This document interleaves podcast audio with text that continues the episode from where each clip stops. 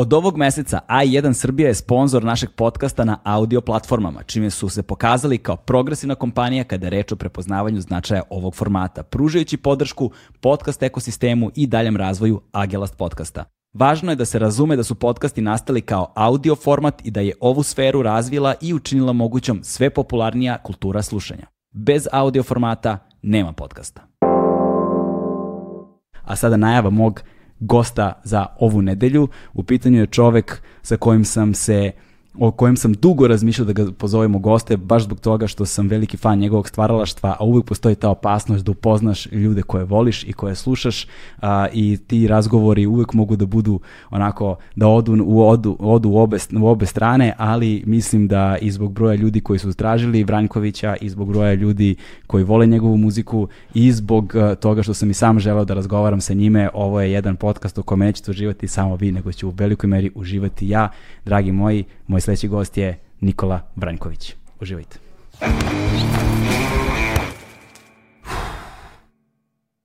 Hmm.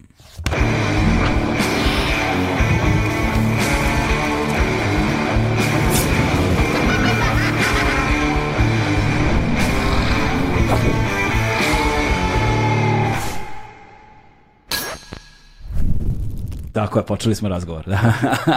Onda nauči, mora da nauči. Nema veze, ali dobro. Odličan je ovo početak, s obzirom na to da ni ja nisam dobar u počecima. Nikad, ono, ne, nikad ne znam kako da počnem razgovor, nisam vešt. Uvek sam se divio ljudima koji znaju kako da počnu zvanično razgovor. Poštovani. Ma zamisli to tek da radiš. Pa šta da. Šta je kao poštovani? Poštovani, ili, gledaj. Znaš, ili da radiš kao nekoj, ne de Bože, televizijskoj emisiji sa tim floskulama svim potpuno sumanutim. Nema nikakvog smisla. Poštovani. Imaš ovaj uh, X32 čuveni mikser Behringerov, Da. koji, koji ono, najviše se koristi, jer pošto je najjeftiniji, a služi svrši. Onda je moj drug Šomi pre, ne znam, x godina radio u Bojčinskoj šumi Tomu Nikolića nešto, kao otvaranje, ne znam, ono, trećeg reda drveća u Bojčinskoj šumi. I sad ovaj, uh, sve je namešteno, ima četiri mikrofona i aj kao to ti je.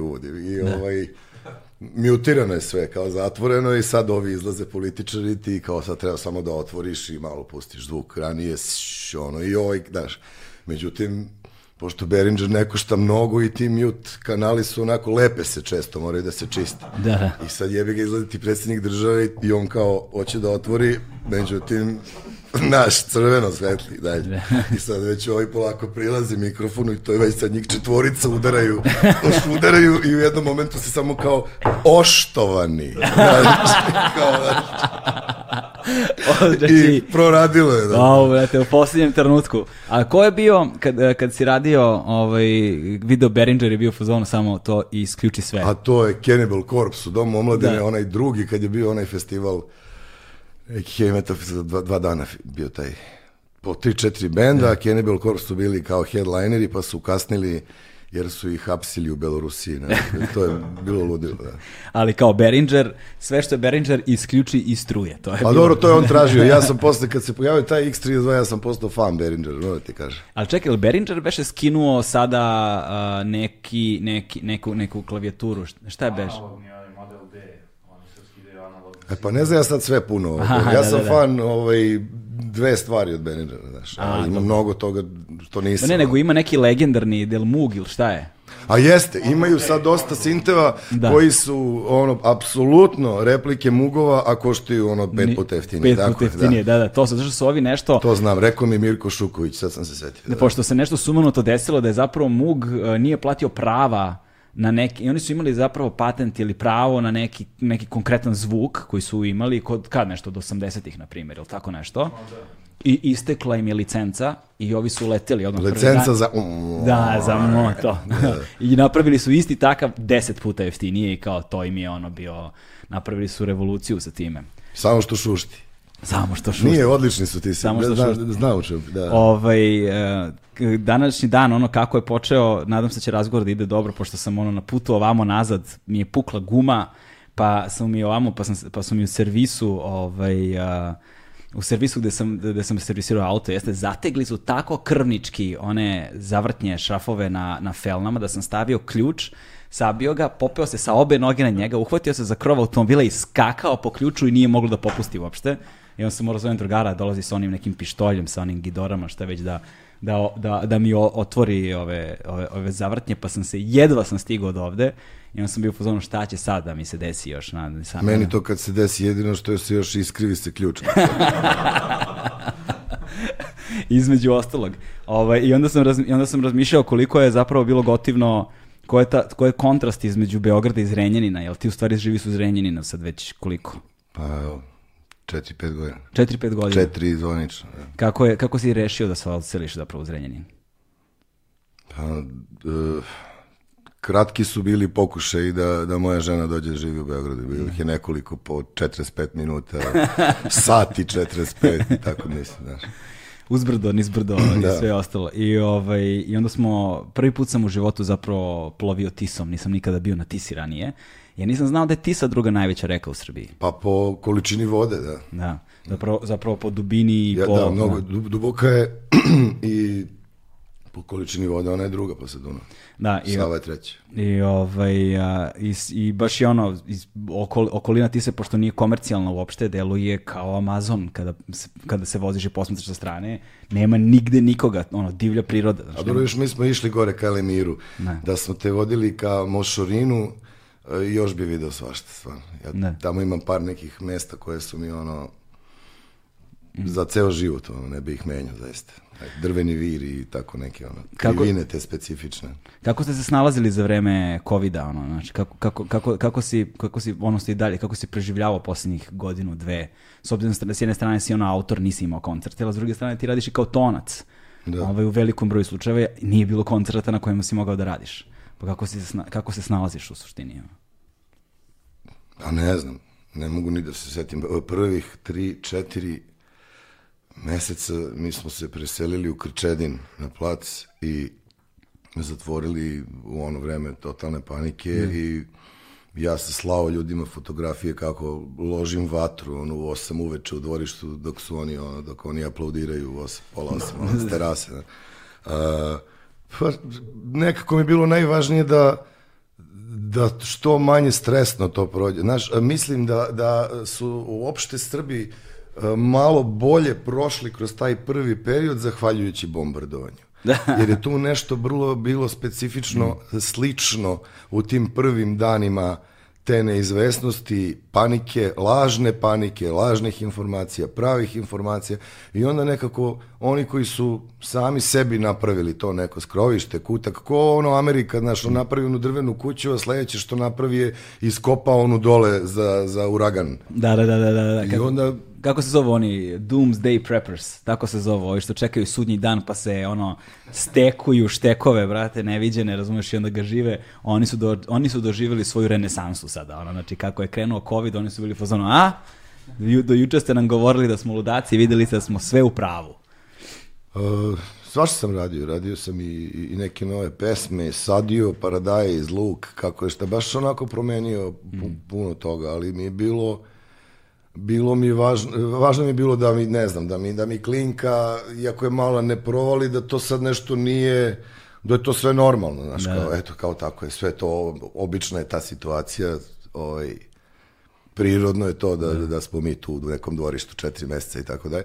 A ovaj, najteže mi je padao taj policijski čas kad su ovi uh, panduri stali, pazi, ta moja kuća u Krčedinu na, na vrhu, na bregu, i sad imam dole nešto 300 metara jednim putem do Dunava Ja. i oni tu stanu u 6 sati i kao neku komšinicu koja nosi palačinke o deci nekoj preko puta, kao, a, kao šest sati ne možete da, kao, ne, znaš, da pređete. No, kao samo palačinke donesem, ne, ne, kao policijski čas. I ta, ta sam shvatio se nešto ozbiljno dešava. A, e, mislim da svi koji su imali mogućnost da odu bilo gde van, naročito većih gradova, da su se ipak, da su malo bolje prošli. Jer bio sam ja i u Beogradu i u Zrenjaninu u par navrata i Pa mislim, nije, znaš, ako ni- ni- neko je, nemam pojma, polomiš nogu pa ležiš, mislim, mesec dana ili ja, nije tu problem kad si ti svestan zbog čega je.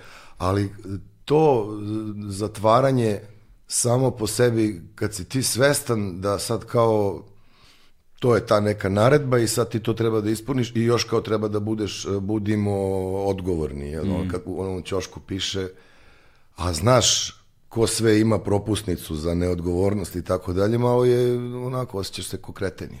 Da, sećaš Caneta. Uh, s Canetom, če, s Canetom sam išao na Tisu odmah, čim je krenulo, to mi je bilo divno. ovaj, odemo u 10 sati, ja nešto popravljam motor, sređujem ovaj, tamo po čamcu, super u marini, ne isplovljavamo, on se okrene ka Tisi i malo pričamo, sedi tri sata, ništa, on uživa, ja uživam, pola pet, kao moramo nazad za Zrenjanin, a on mi kaže, e, hvala ti, ovaj, baš je bilo divno, zove me sutra opet ako budeš išao na Tisu. Uopšte mi ne smeta što si debeo.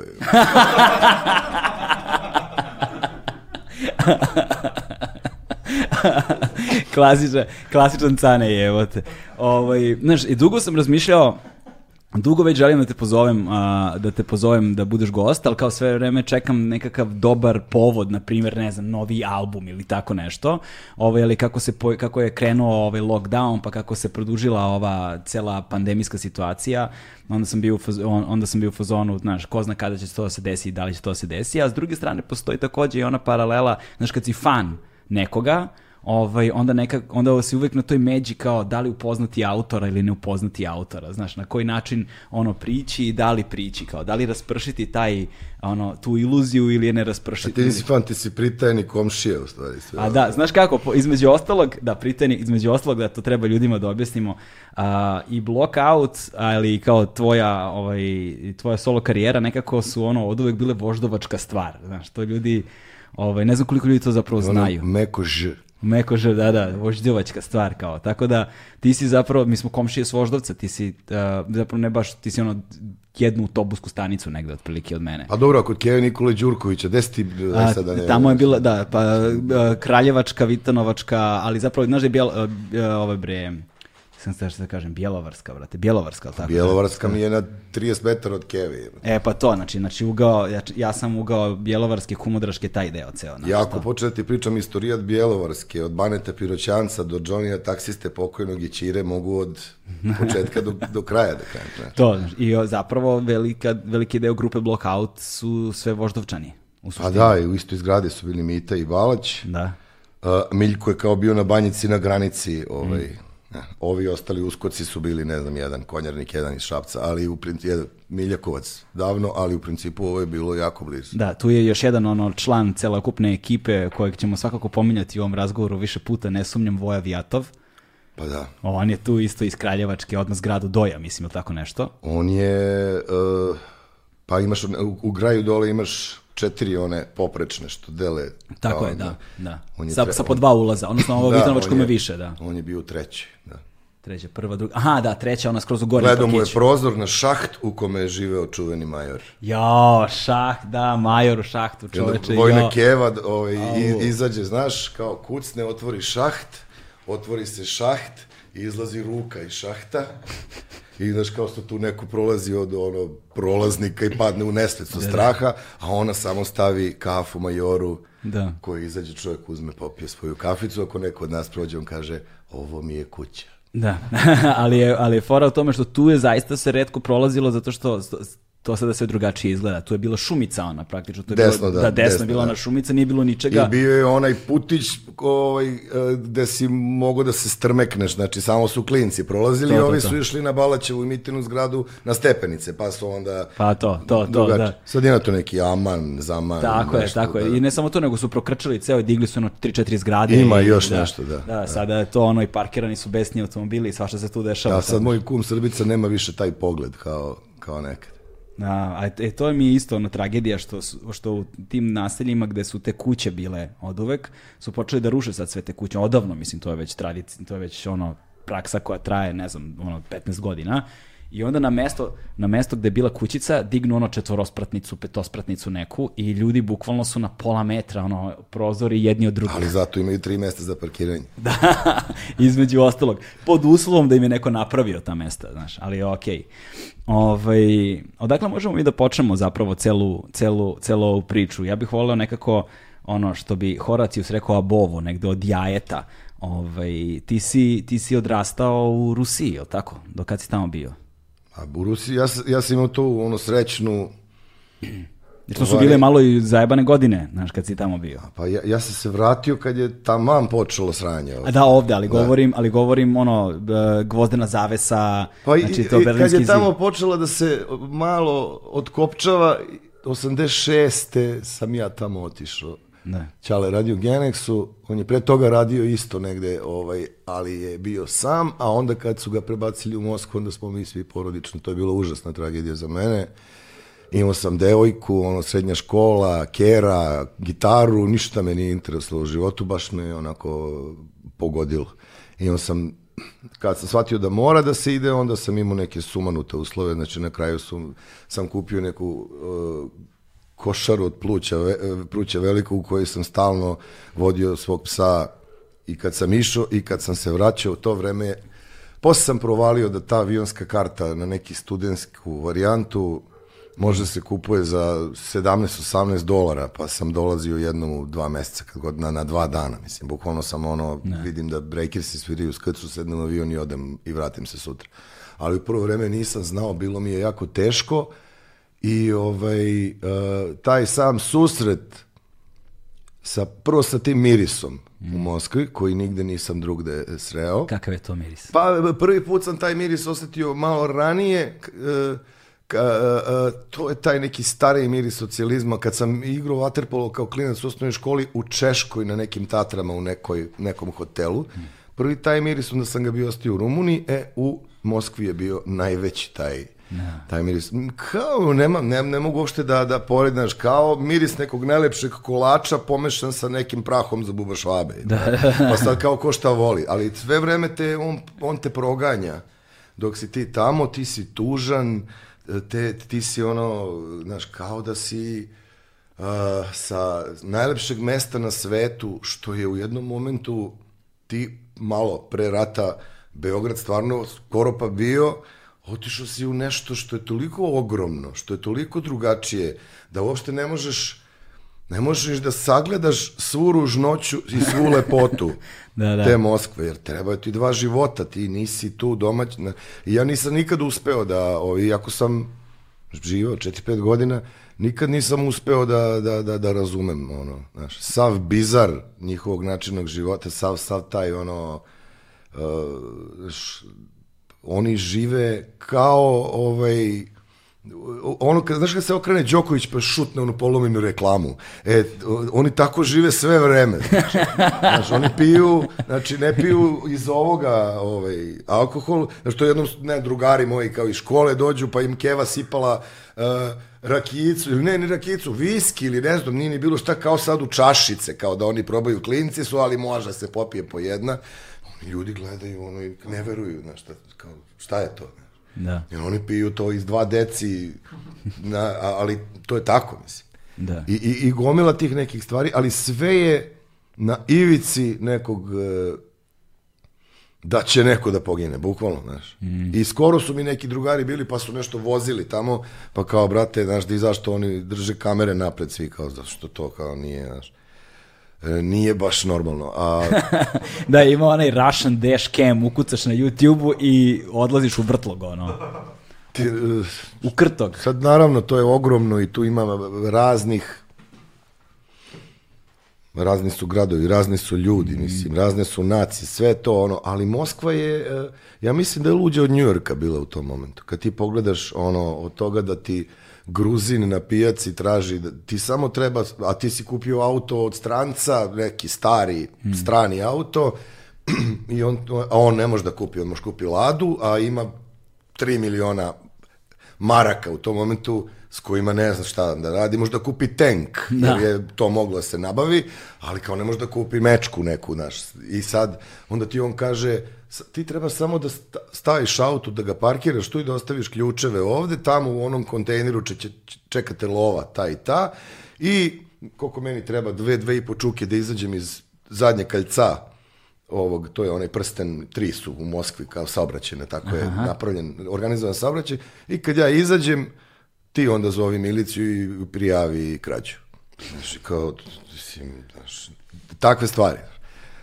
Do ono, ne znam, kao kogod je išao negdje u inostranstvo, znaš, uvek si imao likove koji su, to je bilo prvo pojavljivanje tih PC-eva i i 386, 4, ne više ne znam koji su bili. 286, ali, u svak- a, da, 386, dva, ali da. bila je varijanta kao ako doneseš dva kompjutera, prođeš granu, a ti možeš da uvezeš jesi stranac, kao kupi mi sa belom tastaturom, nemoj sa žutom, jer bela je kao japanska, a ova je koreanska. Znaš, ti kao, šta je, nemam pojem. Ne.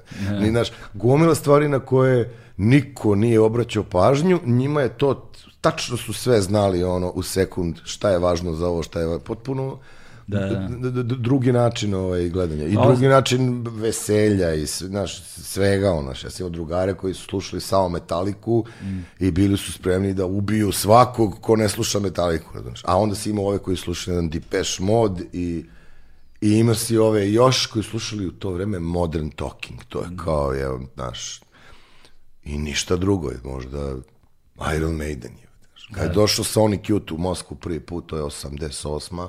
To je bilo u bioskopu jednom, bilo je, ne znam, kao 250 ljudi, jedva, znaš, a kad je došla Metallica, tu je bilo 2 miliona ljudi na onom tuškinskom aerodromu. Da, da, to je čuveni onaj koncert njihovi, njihov, i zapravo oni su imali neki ispred Kremlja, nisu imali. Ja to ne znam poslije, Da, da, ja ne, pričam o z- ovom prvom vremenu, tako je, uvijek sam, to smo nešto i gledali, sad sko- skoro s drugarima nekim, da je svila Pantera, valjda, Tako je, AC/DC, jeste, i Pan- Metallica, i ja sam tu kao šatro bio, znaš, kada si bio, bio sam, gde si bio, bio sam na 850 metara od bine, kao i čuo sam nešto, kao i kao si bio, bio sam, jes, ali mislim, brate, to je, ne možeš da razumeš koja je to količina ljudi i šta, što si bio, ne znaš. Koja je to besmislica? Tako su, to, to su govorili, gledao sam neki dokumentaraci o Woodstocku isto Bilo tako. je 100 soma vojnika, mislim, znaš. Da.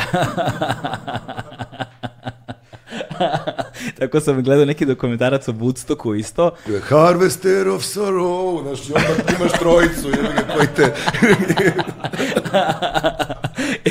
Iz, ova, i, ova, to, i to, da, da, ljudi, da ljudi govore da, kao mi sad romantizujemo sećanja naš, na taj Woodstock i na sve te velike festivale koji su se dešavali u to vreme, koji su bili prekretnice, ne znam, isto je tako bilo i za onaj Spike Island, jel te, kada su Stone Roses i ono, svirali 90. godine i za Woodstock, ono, 60-ih i ne znam, znaš, i, i, za, i za te nastupe, između ostalog, verovatno i u Moskvi, gde kao, da, bilo je 2 miliona ljudi, bilo je ovo, bilo je ono, ali u suštini infrastruktura nije postojala, znaš, pitanje je bilo kako se to čulo, gde su ljudi išli u toalete, kako su kupovali hranu, gde su nabavljali vode, to sve bilo strašno, ono, znaš, nije to bilo tako kako, mi- kako ljudi zamišljaju. Dobro, ovo se čulo e, dovoljno dobro za, ne znam, za prvih 100 soma, verovatno 200, ali, e, jer bio je pre toga, a sad ja mogu da Ko, se... ko bijelo dugme na hipodromu. Da, to je ono. Posljednji, posljednji ulazak Brace Radovića sa razglasom u, u, u Srbiju. A1 je prvi prijatelj audio izdanja Agelast podcasta.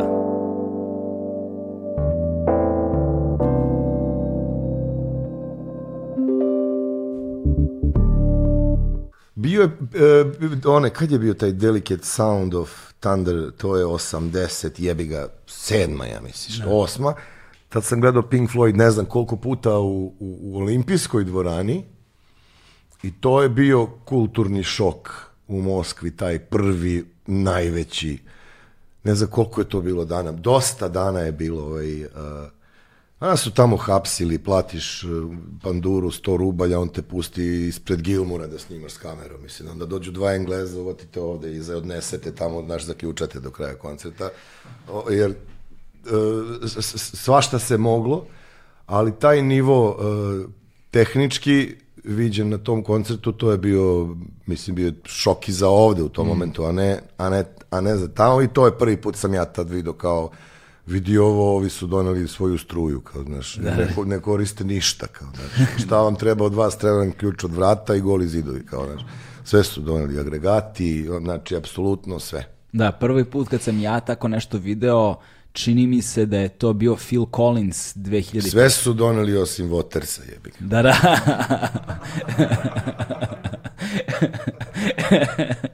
Između ostalog. ovaj, um, kako je iskustvo uh, slušanja Pink Floyda uživo? Znaš, Ibek, ja sam daleko mlađi, znaš, to je nešto što nikada nisam doživeo, niti ću, nažalost. Pa, e, divno je, Ne. I ja sam tad bio mlad i još uvijek nisam znao veličinu Watersov, znaš, kako je vreme odmicalo. U stvari, mene je tu najviše uh, nekako objasnio Black. Dragoljub Marković, ali klavijaturista blokauta, originalni i ništa ili logopeda, on me uvlačio te flajde. Sve vreme sam ja to slušao, znaš, kao jebi ga, bio je pun radio tih hitova da. njihovih i kao gde mogu si uvek da poslušaš po nekoj koja nije hit, a i ona je bila u medijima, bilo je takvo vreme, ali nisam to razumeo na pravi način dok nisam krenuo od početka kao da, znaš, ljuštim bereta, pa onda mm. sve ove varijante i onda kao Znaš, to isto kao kad me sad pitaju, znaš, pričaš s nekim ljudima koji su fanovi Beatlesa, pa kao, ej, znaš, jel, znaš on, oni počinju rečenicu, jel da da su Beatlesi najvažniji band na svetu? Pa jebem li ga, možda i nisu, možda su Clash i Pink Floyd važniji, ali da. ja ne moram da se svađam oko toga. Da, da, da. Ali super su svakako. Uh, tako da... Uh, mo, može, mogo si puno da, da, da naučiš ako se vraćaš. Ja se sad vraćam Clashu intenzivno i učim neverovatne stvari o, o sviranju bubnjeva, o produkciji kao koje u ono vreme kad sam slušao uh, Clash, a od, imao sam sreću da sam imao drugara koji je od, od prvog albuma dobio te ploče iz engleske i tako dalje i mi smo kao glum, prvo smo bili pankiri pa metalci pa sve ono, slušali smo i Clash pa posle GBH kao, onda su Clash bili bez veze, su kao, ali sad kad se vraćaš u Clash i kad slušaš šta se tu dešavalo od albuma do albuma, to je neverovatno, to je istorija muzike. A šta otkrivaš sada zapravo kada ih slušaš ono retroaktivno? Pa otkrivam puno više muzike nego što sam, onda sam se kao običan slušalac eh, hvatao za, za te neke energetske stvari, za kao poruke, za neki mm. jači riff. A, a sada, znaš, ti uh, aj vratit ću se ja na Floyd, ali samo da uđeš u Combat Rock za koji će svi fanovi Clash-a ti kažu dobro, bre, aj, kao to je već, znaš, da. pustiš bez stranu čoveče, onaj Ghetto Defend, ne znam, uh, Daddy was a star, kako se već zovu one pesme što kao... Uh, Bank Robber. Nije to na ovom albumu. Aha. Nije. Ne, ne, ne, to je, uh, na prvom ti je Should I Stay, Should I Go, i Rock da, the Casbah i, tako, i, i Straight to Hell, a na drugom su sve ove pesme što kao kad sam bio klinac, dobro, kao nije mi ovaj, to, nisu ove, ove su bolje, međutim se više ne mogu slušamo, ove, ne, slično se s Cepelinima dešava na, da. na Cepelin 4, slična je ta, čak, e, slične su te dve ploče, Cepelin 4 i Combat Rock, kao to mm. su ogromne ploče sa ogromnim tiražima, na A stranama su, brate, hitovi koje znaju svi, a na B stranama je blago. Da, da, da. da. A, a na Floydima, je to nekako drugačije bilo malo raspoređeno, mm. znaš. I ovaj, oni su sporije Mislim, i stari su, oni su, oni su men, men, men, mene ako pitaš, on, da, su, Floyd, Pink Floyd, sad će, sad će ono fanovi da, sad će ljudi da polude u komentarima, znaš, ali kao, Pink Floyd i Tool su vjerojatno dva benda koji su imali naj luđu progresiju iz albuma u albumu toku svoje karijere negde u 20. U 20 A uži je tu, Pink Floyd je ipak mnogo širi. Ipak širi, da, na, Pink Floyd svakako, ali nekako oni su imali baš iz albuma u album ogromne, kvantne skokove. Znači, to bu, bukvalno koji hronološki pustiš, čuješ evoluciju zvuka. I to je neviđenu evoluciju zvuka. Ja bi možda pre poredio Radiohead sa Pink Floydom, da. ne, ne, nego Tool, zato što se Tool više bazirao na ritmu. Mm. Znaš, ti si ovde imao u Floyd ima čoveka koji je svirao striktno za melodiju, striktno za atmosferu, a ovde imaš ovog ludog Danny Kerrya koji, brate, ono, kod ova trojica sviraju za njega, znači. Da, da, da, da, da, ne znaš šta se dešava, pa, pa drugo je vreme, mislim, drugi je vek. Da, da. Mislim, isti je vek, ali su ovi na kraju veka negde, zapravo to. Pa, pa da, da, u stvari, Tako, da. Anema je isti vek. Jebate. Pa da. Anim, ali, ha, druga je energija. Ne slažem se, uh, mislim da je Pink Floyd mnogo veliku progres, mnogo širu tu. Ma ne, svakako da, taj put, a, a Tuli je jedno drugo posebno blago i možda jedan od poslednjih uh, velikih rock bendova protiv kojih teško da neko može da ima nešto protiv iako mu se ne sviđa. Da. Možda Tuli, Radiohead, I da li postoji posle toga više veliki bend u smislu onoga kao Liverpool, Manchester, Barcelona, Real, u tom smislu, ne mislim sad. Da, da, naravno. pa da, to 90. u Znaš, neku Brit popu, a mislim, ne mogu da... Su Oasisi su bili ti koji jest, su veliki. Ne mogu kažem da je Ramstein tog nivoa, Ramstein je mega spektakl sve, ali nije, nije, tog, nije tog značaja. Da, nije tog značaja, nije, nije muzički to na ta vrsta eksperimenta, ono što su oni radili. Znaš, ipak su negde komercijalniji malo zvuk u tom kontekstu, možda pravili više kompromisa. Mada, su oni konceptualno isto dosta jaki, dosta veliki, ne mogu, A dobro, ne mogu mi da kažem, možda nabrojimo 10 bendova, pogotovo ako ne... Da. A, a, ako se sad ne profilišemo usko, kao sad slušamo ove, ove ili ove, Da, da. pa će sad neki fan od Maidena da ti kao, nemoj da ti je naš, kao, mislim... Da, to je ono što je negde mene Ili privuklo. Metalike, da. Da, to je, ali to je ono, ne, to je ono negde što je mene privuklo, recimo, tvoj muzi, tvoj muzici, a, jer taj senzibilitet koji sam nalazio u toj vrsti alternativnih bendova, posebno kad govorimo, evo, na primjer, Siguran sam da će veliki broj tvojih fanova da se složi da ako govorimo o najznačajnijim bendovima ono, u 20. veku, on će, on će vjerojatno velika većina kaže Black Sabbath. Znaš, to je ono kao, sve ostalo, kao ba, Pa ima tu istine. Pa, kako ne? Kako mi smo sad pričali, ne znam, Clash, Radiohead, Tool, Pink Floyd, bla, bla, bla, i zaboravimo na... na čo, a, princa Tame, brate. Pa, a dvojica su najvećih u stvari, Da. Tommy Iommi i Jimmy Page. Kad Da. pogledaš ko je sve izmislio na gitari, što je dovoljno u rock'n'rollu, to su njih dvojica. je. Da, bukvalno, da, bukvalno. Tako da... I može na jednoj žici sve, kao, znaš. Da. Osim ono Jeff Hannemana koji je napravio Reni Mladi, jel? I Slayer, brate, kako Slayer da zaboravimo, mislim, A to ono, ti to, da.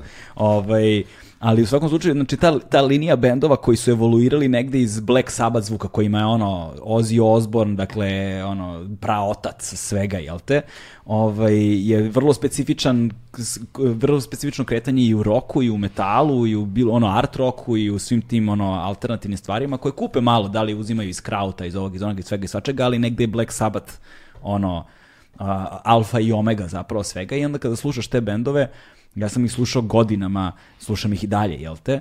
Ovaj, nekako nije se potrefilo nikako ovde da čujem zvuk koji bi mi odgovarao ta vrsta senzibiliteta prevedena na ovaj ovde lokalni prostor, ali da opet ima širinu Shock of the universe. pa da, da ima, da, da, da ima, da ima tu, da ima tu širinu, da se ne drži ono usko uh, stilsko tipološki unutar žanra. Znači, recimo, uh, jer takva muzika, posebno ova moderna muzika koja je evoluirala iz tog Black Sabbatha, vrlo često ume da bude strašno repetitivna. Probao je Đura sa Svarogom, Da, prišao najbliže.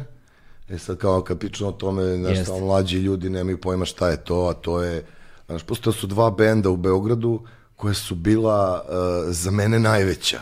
U, u, u, u tom jednom periodu, iako to nije znalo mnogo ljudi. Jedni su bili Klajberi, drugi je bio Svarog. To je bilo nešto kao dobro čuvana tajna, znaš, samo ja znam i idem na akademiju da gledam to i kao vraćaš se potpuno omađijan. Znaš.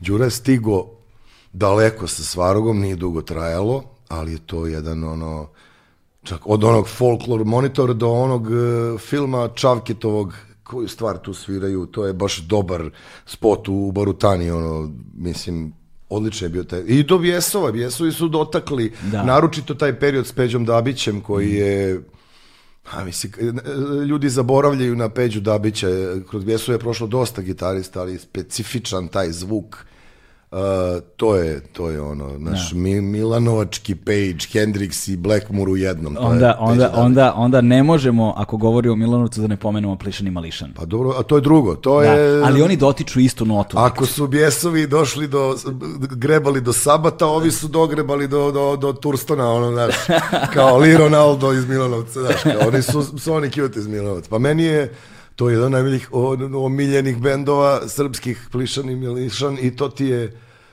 ah, ima tih primera mnogo kroz istoriju, već sad 20-30 godina, koliko dobrih bendova ljudi uopšte ne znaju da su ikad postojali, ili posle 30 godina su čuli dve pesme i kao, brate, ali je ovo dobro, je. Da, da. Pa ako ovi su se raspali pre 24 godine. Što nije uh, slučaj s Plišanim Mališanom, jer oni toliko ne rade da povremeno i sviraju, i što je odlično, jer to, znaš, stvarno kad, kad čuješ te neke pesme, ja sam ih davno gledao na Banja Lučkom onom festivalu. Zajedno smo bili tamo. Da, gde su pobedili i ne, ne, nisu pobedili. Jeste, pobedili su, ba. Plišani Mališan je pobedio, da, da. To je, tak, to je bilo ta, takvo oduvavanje, tu je bilo 6-7 strašnih bendova u konkurenciji. Mm. Ja mislim da su tada i Biti pa ti bi bili prvi put, čini mi se. I još tako, e, Štrebersi su bili.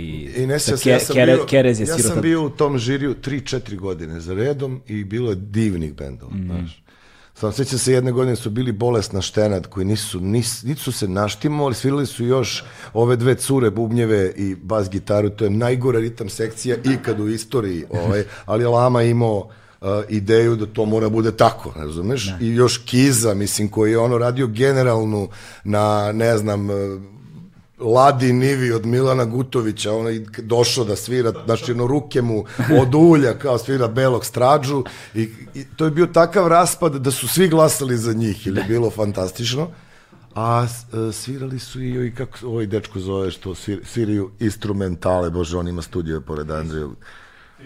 E, Trisom, trisom, trisom, to je- to je- što- surf i to što je svira, da, da, da, da. U- Milkić, Milkić, Milkić, za Milkića. Fantastično. I, I bilo je tako, uh, uh, mnogo, taj festival je u to vreme bio mnogo bolji od svih ovih nekih koje su kao propagirali takmičenje Da, da. mladih bendova, a ili je pobedio sino predsjednika opštine ili je bio drugi ili od ovog sponzora, ovaj, a prođe tu i po neki dobar, ali ovo je bilo onako baš, žiri su bili striktno, znaš, i nije znao jedan za drugog, ono, morao si preslušaš 800 bendova, bio si dobro plaćen, ali stvarno si morao da sediš, da slušaš metar dana, da ništa drugo ne radiš, da izabereš ono koji ti se sviđaju i baš mi žao što, ne, što ga nema već par godina. Da. Ovaj, kada se ti vraćaš zapravo iz Rusije, iz Moskve? Čekaj, si naučio ruski tamo? Pa jesam, kako išao sam u školu. tamo Govoriš ruski i dalje? Pa govorim, da. Govorim Nije. telefonom kad pričam s nekim drugarima telefonom, pričam ruski. Mi pričam ga bolje nego engleski. Ono, engleski onako, a ruski kad se opustim pričam potpuno me baš briga. Da. I, jer, Jesi, o, imaš neka prijateljstva iz tog perioda koje su ti Imam, dalje ostalo? imam. Ti si zapravo imao neke bendove tamo. Svirao si... Pa i nisam imao bendove, ja sam više svirao uz ljude koji su me puštali da sviram. Ja sam im bio zanimljiv, bio je samo jedan bend s kojim sam pokušavao da sviram, oni su jako ozbiljno pristupali u to vreme, svirali su tu neku mešavinu Crimsona i Silvijana, što se jeli vrti oko fripa, kako god okreneš, ovaj, ali ni- nisam svirao i družio sam se s kakvim metalcima, bio neki Iron Maiden za siromašne, zvao se Arija, koji je... eh, ali vidi, to je naš, na, ne znam, kao tri dana po 20.000 lju- da ljudi kao oni sviraju, sve je isto, komedijni, samo je na rusku, to sam išao gledam, to mi je bilo super u to vreme. Jer sam ja valjda u to vreme uh, prelazio sa uh, Maidena na Metaliku. Aha, da, da. To je... Uh, To je ta tranzicija, to je ta tranzicija. Čekaj, Kill Em All je 83. Ride Lighting je 84. peta, znači ovde smo već stigli do, do, uh, do Justice-a. Da, da, Eto, da, to da. je bilo to, a kad se pojavio Justice, Maideni više nisu imali šta da traže. Da. Justice for All, brate. Uh, ovaj, I tu kao, znaš, već, znaš, kao krenula je desna ruka da se vežba, znaš, ja, sam- ja sam znao da sviram Em All i Ride Lighting sve, mogu, apsolutno je, um, ovaj mogo da se povredi odmah kao da. Hetfield, e, ali nisam sve solaže znao, solaže su mi bile glupe, nervirao me Hemit, a onda sam ovaj shvatio da u stvari uopšte nisu, uglavnom su genijalni. Da, Kirk je, brate, da, ozbiljan, ono, ozbiljan. I ako sam ja uvek bio u fazonu Kerry King, Jeff Hanneman, to ne može kao kad pogledaš Gary Holt nije skinuo ni jedan solo za sve vreme od kad je Hanneman umro, jer kao, brate, kako? Da, da. A ovaj, ovo je nešto drugo i gomila ljudi ima taj e, problem u mozgu kao, ja, Lars nema pojma, on ispada, kao, brate, bre, Lars Urlich je izmislio Čekaj, on beše, Posle jel on svira bez kreša? Jel tako? bez rajda, nema. Bez rajda, bez rajda, da, bez rajda. Bez on rajda, pa mi se zajebamo ceo život kao ima neki album od ovih glupih metalikinih posle ovo L- load, load, reload, reload, to. unload, jebi ga, Evo, to je to. download, razumeš? E, ovaj, to ima kao kup, Lars kupio rajd, kao cići tas, čićin taš, kao više nije bzz, da, da, da. Ovaj, ali tad sam već prestao slušati Metallica. Uh, ali bre, čoče, znaš, izvoli pa pusti ono Fight Fire with Fire ili, ili Battery ili ne znam šta, Da. ti čovjek je, znaš, kao kao sad nekoga pobedi s nekim bubnjarima ga porede, pa kao ovi što vole tu Maidene i, i dalje, kao, znaš, Niko, Meg Brenje, Doktor Nauk. Pa dobro, on je možda tehnički savršeniji bubnjar, Lars Urlich je Jimi Hendrix na bubnjima u, u, u, u jednoj fazi svog života bio. Da, to sad kad preslušaš kako, šta je svirao, kakve je gluposti svirao gde je ovaj Baja Secko nešto pravio, pa ja ne verujem da je taj Justice iz mozga 100%. Što je malo greščica, pa imali smo takih momenata i u domaćoj muzici gde je stvarno naš bu, bubanj pogrešio, ali je ušao u strofu umesto refrena, iščupo se na kraju jedino gde je to 100% smišljeno, to je onaj, recimo, ne znam, Rusty Cage ili Slaves and Bulldozers na Gardenima, ovaj, a, to je Bad Motor Finger, gde, gde, gde se to dešava, gde ovaj, brate, Cameron ulazi svesno da, da svira, ali oni svi uđu kao i nastavljaju da sviraju refren, a Kornel peva strofu do pola, pa onda okrenu i kao vrate u harmoniju. To su super stvari, znaš. Da, da. To je Metallica u jednom momentu radila, posle ih je mrzelo, posle su postali veliki, bilo ih je, bilo je bitno da... Bilo bi bitno da bude to taj sing-along riff za stadion, Jest, znaš. jest, jest. Znaš, ne možeš tako veliki koncert bez sing-alonga da imaš, to je ono. A dobro, nema veze, znaš, to, to, to su ti ljudi kojima je sve oprošteno. Ne možeš ti sad od Stonesa da očekuješ da naprave, mislim, Angie, jebi ga, 86 godina, mislim. Da, ni, ni, ni, niti je njihov zadatak da to sada radi. Pa da, niti... Kako će sad, kao, ka, ka, kako ćeš ti, brate, imaš sve pare na sve, to samo može Novak Đoković, tim parama i, i s tim svime na svetu, da da raznese ova dva mučenika sad, ono, za dva dana, razumeš? Da. Kako ćeš ti imaš sve što možda po, po, po, pomisliš da to, a kad nisi imao ništa i kad si stvarno, ono, svirao 15 sati dnevno u istoj sobi kao tan tan tan tan tan tan tan tan tan tan tan tan tan tan tan tan i sad kao to ćeš sad posle 30 godina kao ajde zamislim da mi je teško pa da napravim još jedan takav riff, znaš. Da, da. brate, nije ti više teško, jebe. Da, tako je Jay-Z Ali govorio. može znaš. rock and roll, kao sad može neka tu polu rock tema Da. i, i da bude u redu. I s te tako- strane nije lako, nije lako Hetfieldom, mora da popije nešto, znaš, neki Da, alkohol. ali on se, i on se leči od tog alkohola, ozbiljno, znaš. Ali to je tako je Jay-Z govorio, znaš, do, kao, dok, dok nije imao para, repovo je u ulici, jebi ga, kad je postao milioner, šta radi? Pa repuje o milionima, znaš, ne može, ne može više da repuje u ulici kad nije na ulici. Na dobro se čovek lako navikne i brzo zaboravi gde je bio, znaš, i to je, to je, to je činjenica, posebno kada si tako veliki. Ali kad već govorimo o gitaristima, kad već govorimo o tim rifovima, onda ne mogu da ne pomenem, to smo pomenjali kad smo se videli prošli put, um, Uh, uh, kako, kako, kako si neke rifove svirao za blockout, da ti je Balać pomagao na žicama ga. To su akordi, nisu rifovi, Ako- to akordi, su, da. pa da. Pa, znaš šta, Balać je specifičan. E, Ja ne znam da li sam u životu, jesam sigurno još nekoliko muzičara tog nivoa, tog kvaliteta i toliko kao kad kažeš apsolutni sluh, to je nešto što nema dalje. A ima dalje, to je bio Balać u jednom svom periodu kad je bio i zainteresovan, što je bilo redko. Ali stvarno je ono specifičan ono, muzičar i, i, i i velika šteta što ga je malo interesovao taj rock and roll. Dok, je, dok smo svirali zajedno, on je, eto, s nama svirao, ali morao si i da ga, znaš, probudiš, da ga nateraš, da se zainteresuje, jer je on čovjek slušao neke druge muzike e, sve vreme dok je svirao s nama i ovo mu nije bilo zanimljivo. Ali, znaš, te, te varijante da ti napraviš nešto, pa onda kao, aha, vidi, ovo nije to, moram da spustim ovu žicu, znaš, i moram i ovu, a gledao sam, ne znam, Sonic Youth, pa sam čak kad sam gledao uživo drugi put na Ratnom ostru, vidio sam one papiriće na žicama kao piše, znaš, 15 gitara i na svakoj piše koja je koja žica, jer nijedna nema isti štim. Pa onda ja kao, aha, prepišem to pa napravim sebi, e sad kao snimam pesmu, u normalnom štimu i treba mi akord da pređem u kojem moram da promenim štim. Međutim, dođe Balać i kao samo te zagrli odavde i pritisne ti odavde preko tebe, kao ovde i ovde, ti sviraš svoj akord, on drži ovako i to je kao žbling. I, I to je često radio ranije. I onda ti ljudi kao pišu u komentarima kako se svira ovaj akord, ako brate ne znam. Je. kako se svira. Je, Uživo ga sviraš sa tri tona ili nešto, naš, izblefiraš sa dilejem ili već obično mogu, ja sam dropovo dosta, znaš, tankuje, debeluje, mogao sam dotle da ulazim u te neke kao page-ove, štimove, e, ali da se igram na, na dalje sa tim nekim, nisam imao ovaj... U dropovima, kako metalci zovu, ovaj, špageti strings, brate. pa gi wow, wow, wow, putuju, brate, tresu se lepo. U svakom slučaju, ovaj, ali dobro, doći ćemo ono, do blockouta. U kom trenutku se ti zapravo vraćaš iz Rusije? Pa u trenutku... Kada je to bilo? Pa to su ovaj neki počeli neki Vukovi Draškovićevi, 9. martovi, nešto, znaš, svi, svi, svi, ono, Srbija šumeksi, bla, bla, znaš, kao neka sumanuta energija posle koje su se valjda desile, krenuli su svi ti ratovi i ta sranja, znaš, iz toga, kao, su teli sruše slobu, nisu uspeli, onda je ovaj rešio da nam sjebe sve što je mogu i uspeo.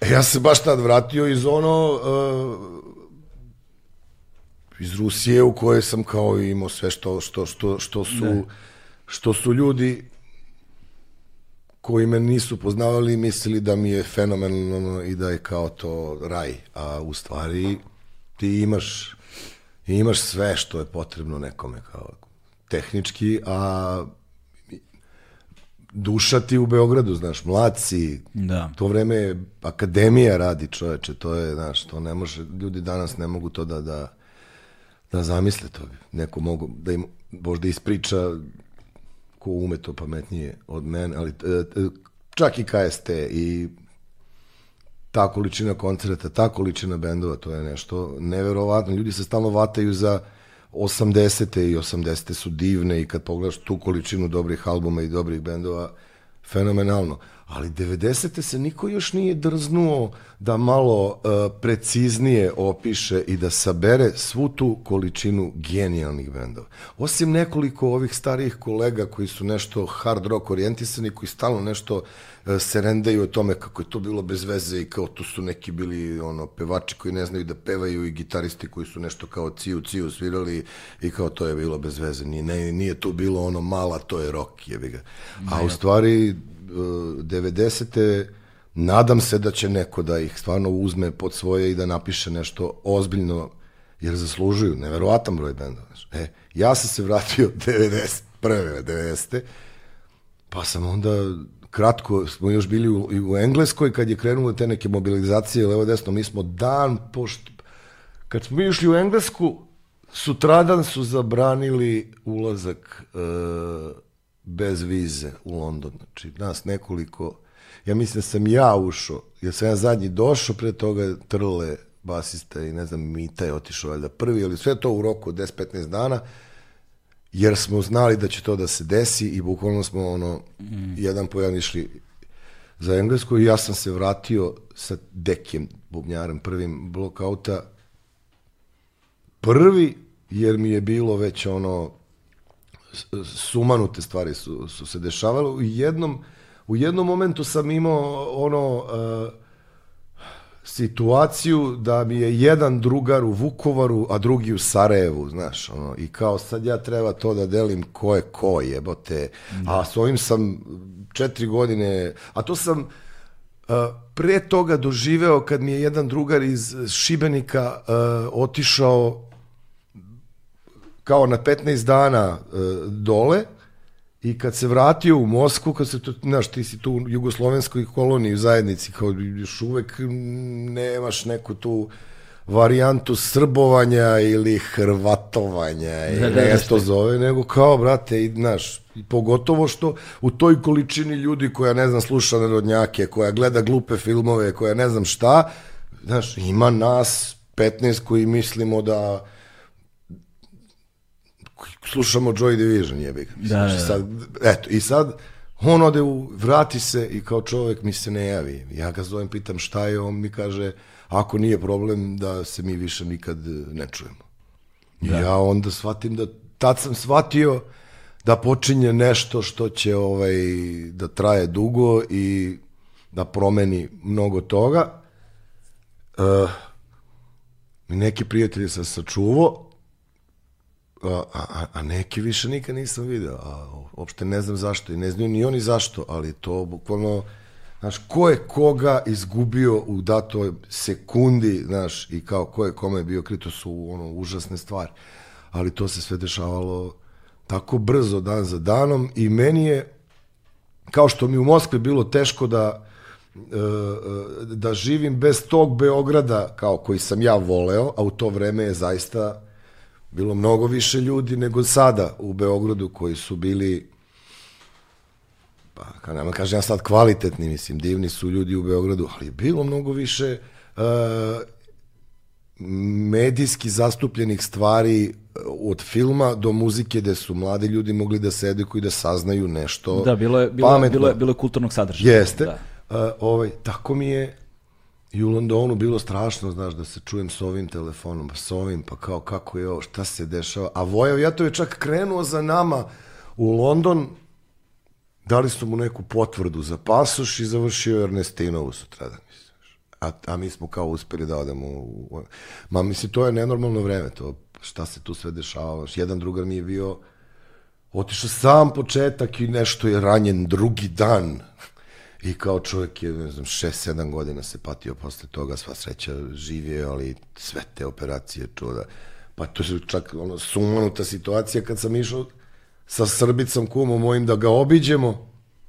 To je bilo kao za vreme korone, tako je bilo ne znam koliko bolnica gde su bili ti, jadni momci ranjeni. Mm.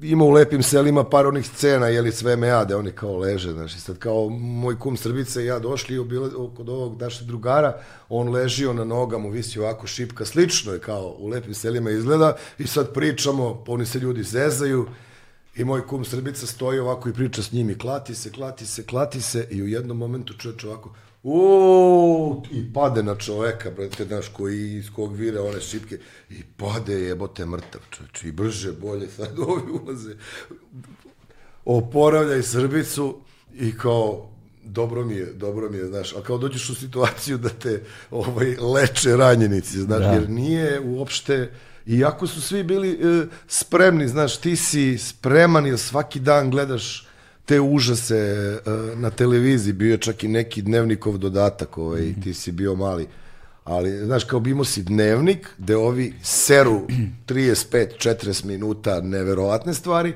a onda je bio dnevnikov dodatak. Još kofa govana, ako nisi naučio lekciju, još malo da se doradi, znaš. Da, da, da. I onda si ti spreman, vidio si sve, znaš, vidio si sve, ono, mrtve ljude, svu tu decu jadnu, sve te neke kolone tih ovaj, ljudi sa svih strana koji ono nikom ništa nisu krivi, a brate mili koristili su ih kao ono reklamno meso. Je. Da, kako kaže za dnevnik, e, kažu ti dobar dan i on ti narednih pola sata objašnjavaju zašto to nije.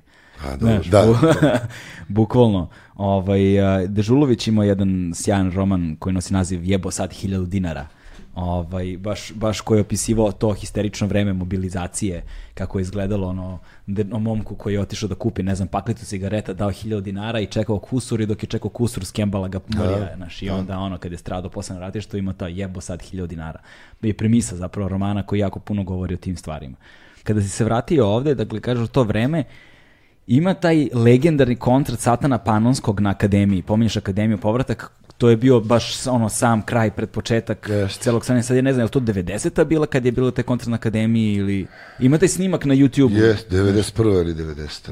90, to je bio. Ja mislim da je to veče počeo onaj napad na Bagdad, američki, onaj sumanuti prvi. Mm -hmm. uh, da. To je bio neki, to je bio koncert gde njemu nisu ljudi, već, već je bilo ko sme, ko ne sme.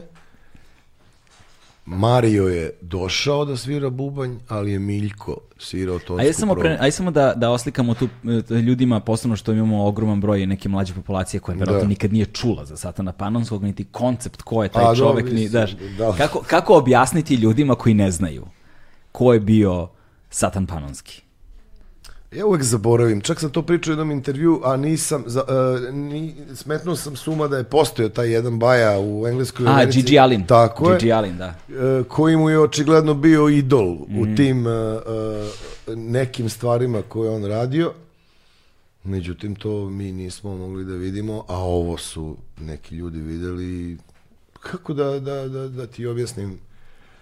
Uh, ko je bio? On je bio čovek koji je uh, od svoje bolesti napravio taj performans, ceo taj jedan bend koji je bio potpuno sumanut i koji je okupljao veliki broj ljudi u klubovima u to vreme gde je moglo da se svira jer je stvarno bilo uh, specifično iskustvo gledati ono čoveka koji se ono samo kažnjava, jel? a u isto vreme je imao nekoliko šaljivih hitova koji su bili nenormalno popularni, znaš, iako nisu bili nikad na mm. na ovaj na radiju i tako dalje. Nisu bili znaš, radio friendly songs. Jeste, ali ali ceo, znaš, ceo Beograd i Zagreb su pevali ono lepog Marija i još ono ranjeni otac pušku uzima i nemam pojma, to su bile ozbiljni hitovi, znaš, koji su kao samo bili. To je bilo to je bila ozbiljna alternativa ili ispod alternative. Da, to je bio težak underground. Yes. Mislim, u ja mislim, to bio težak pa ja mislim da,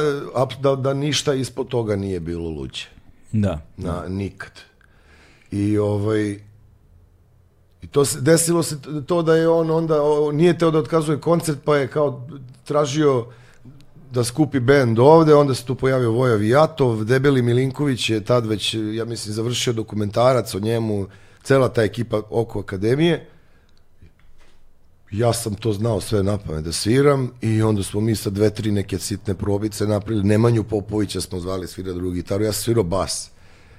I ovaj, to je u njegov poslednji koncert u Beogradu na kome ja sam bio na akademiji na mnogo koncerta, ali nikad nisam vidio toliko ljudi. To, to, to je nešto neverovatno, mislim, koja je to količina ljudi. Da li se tu nešto čulo? Da li tu...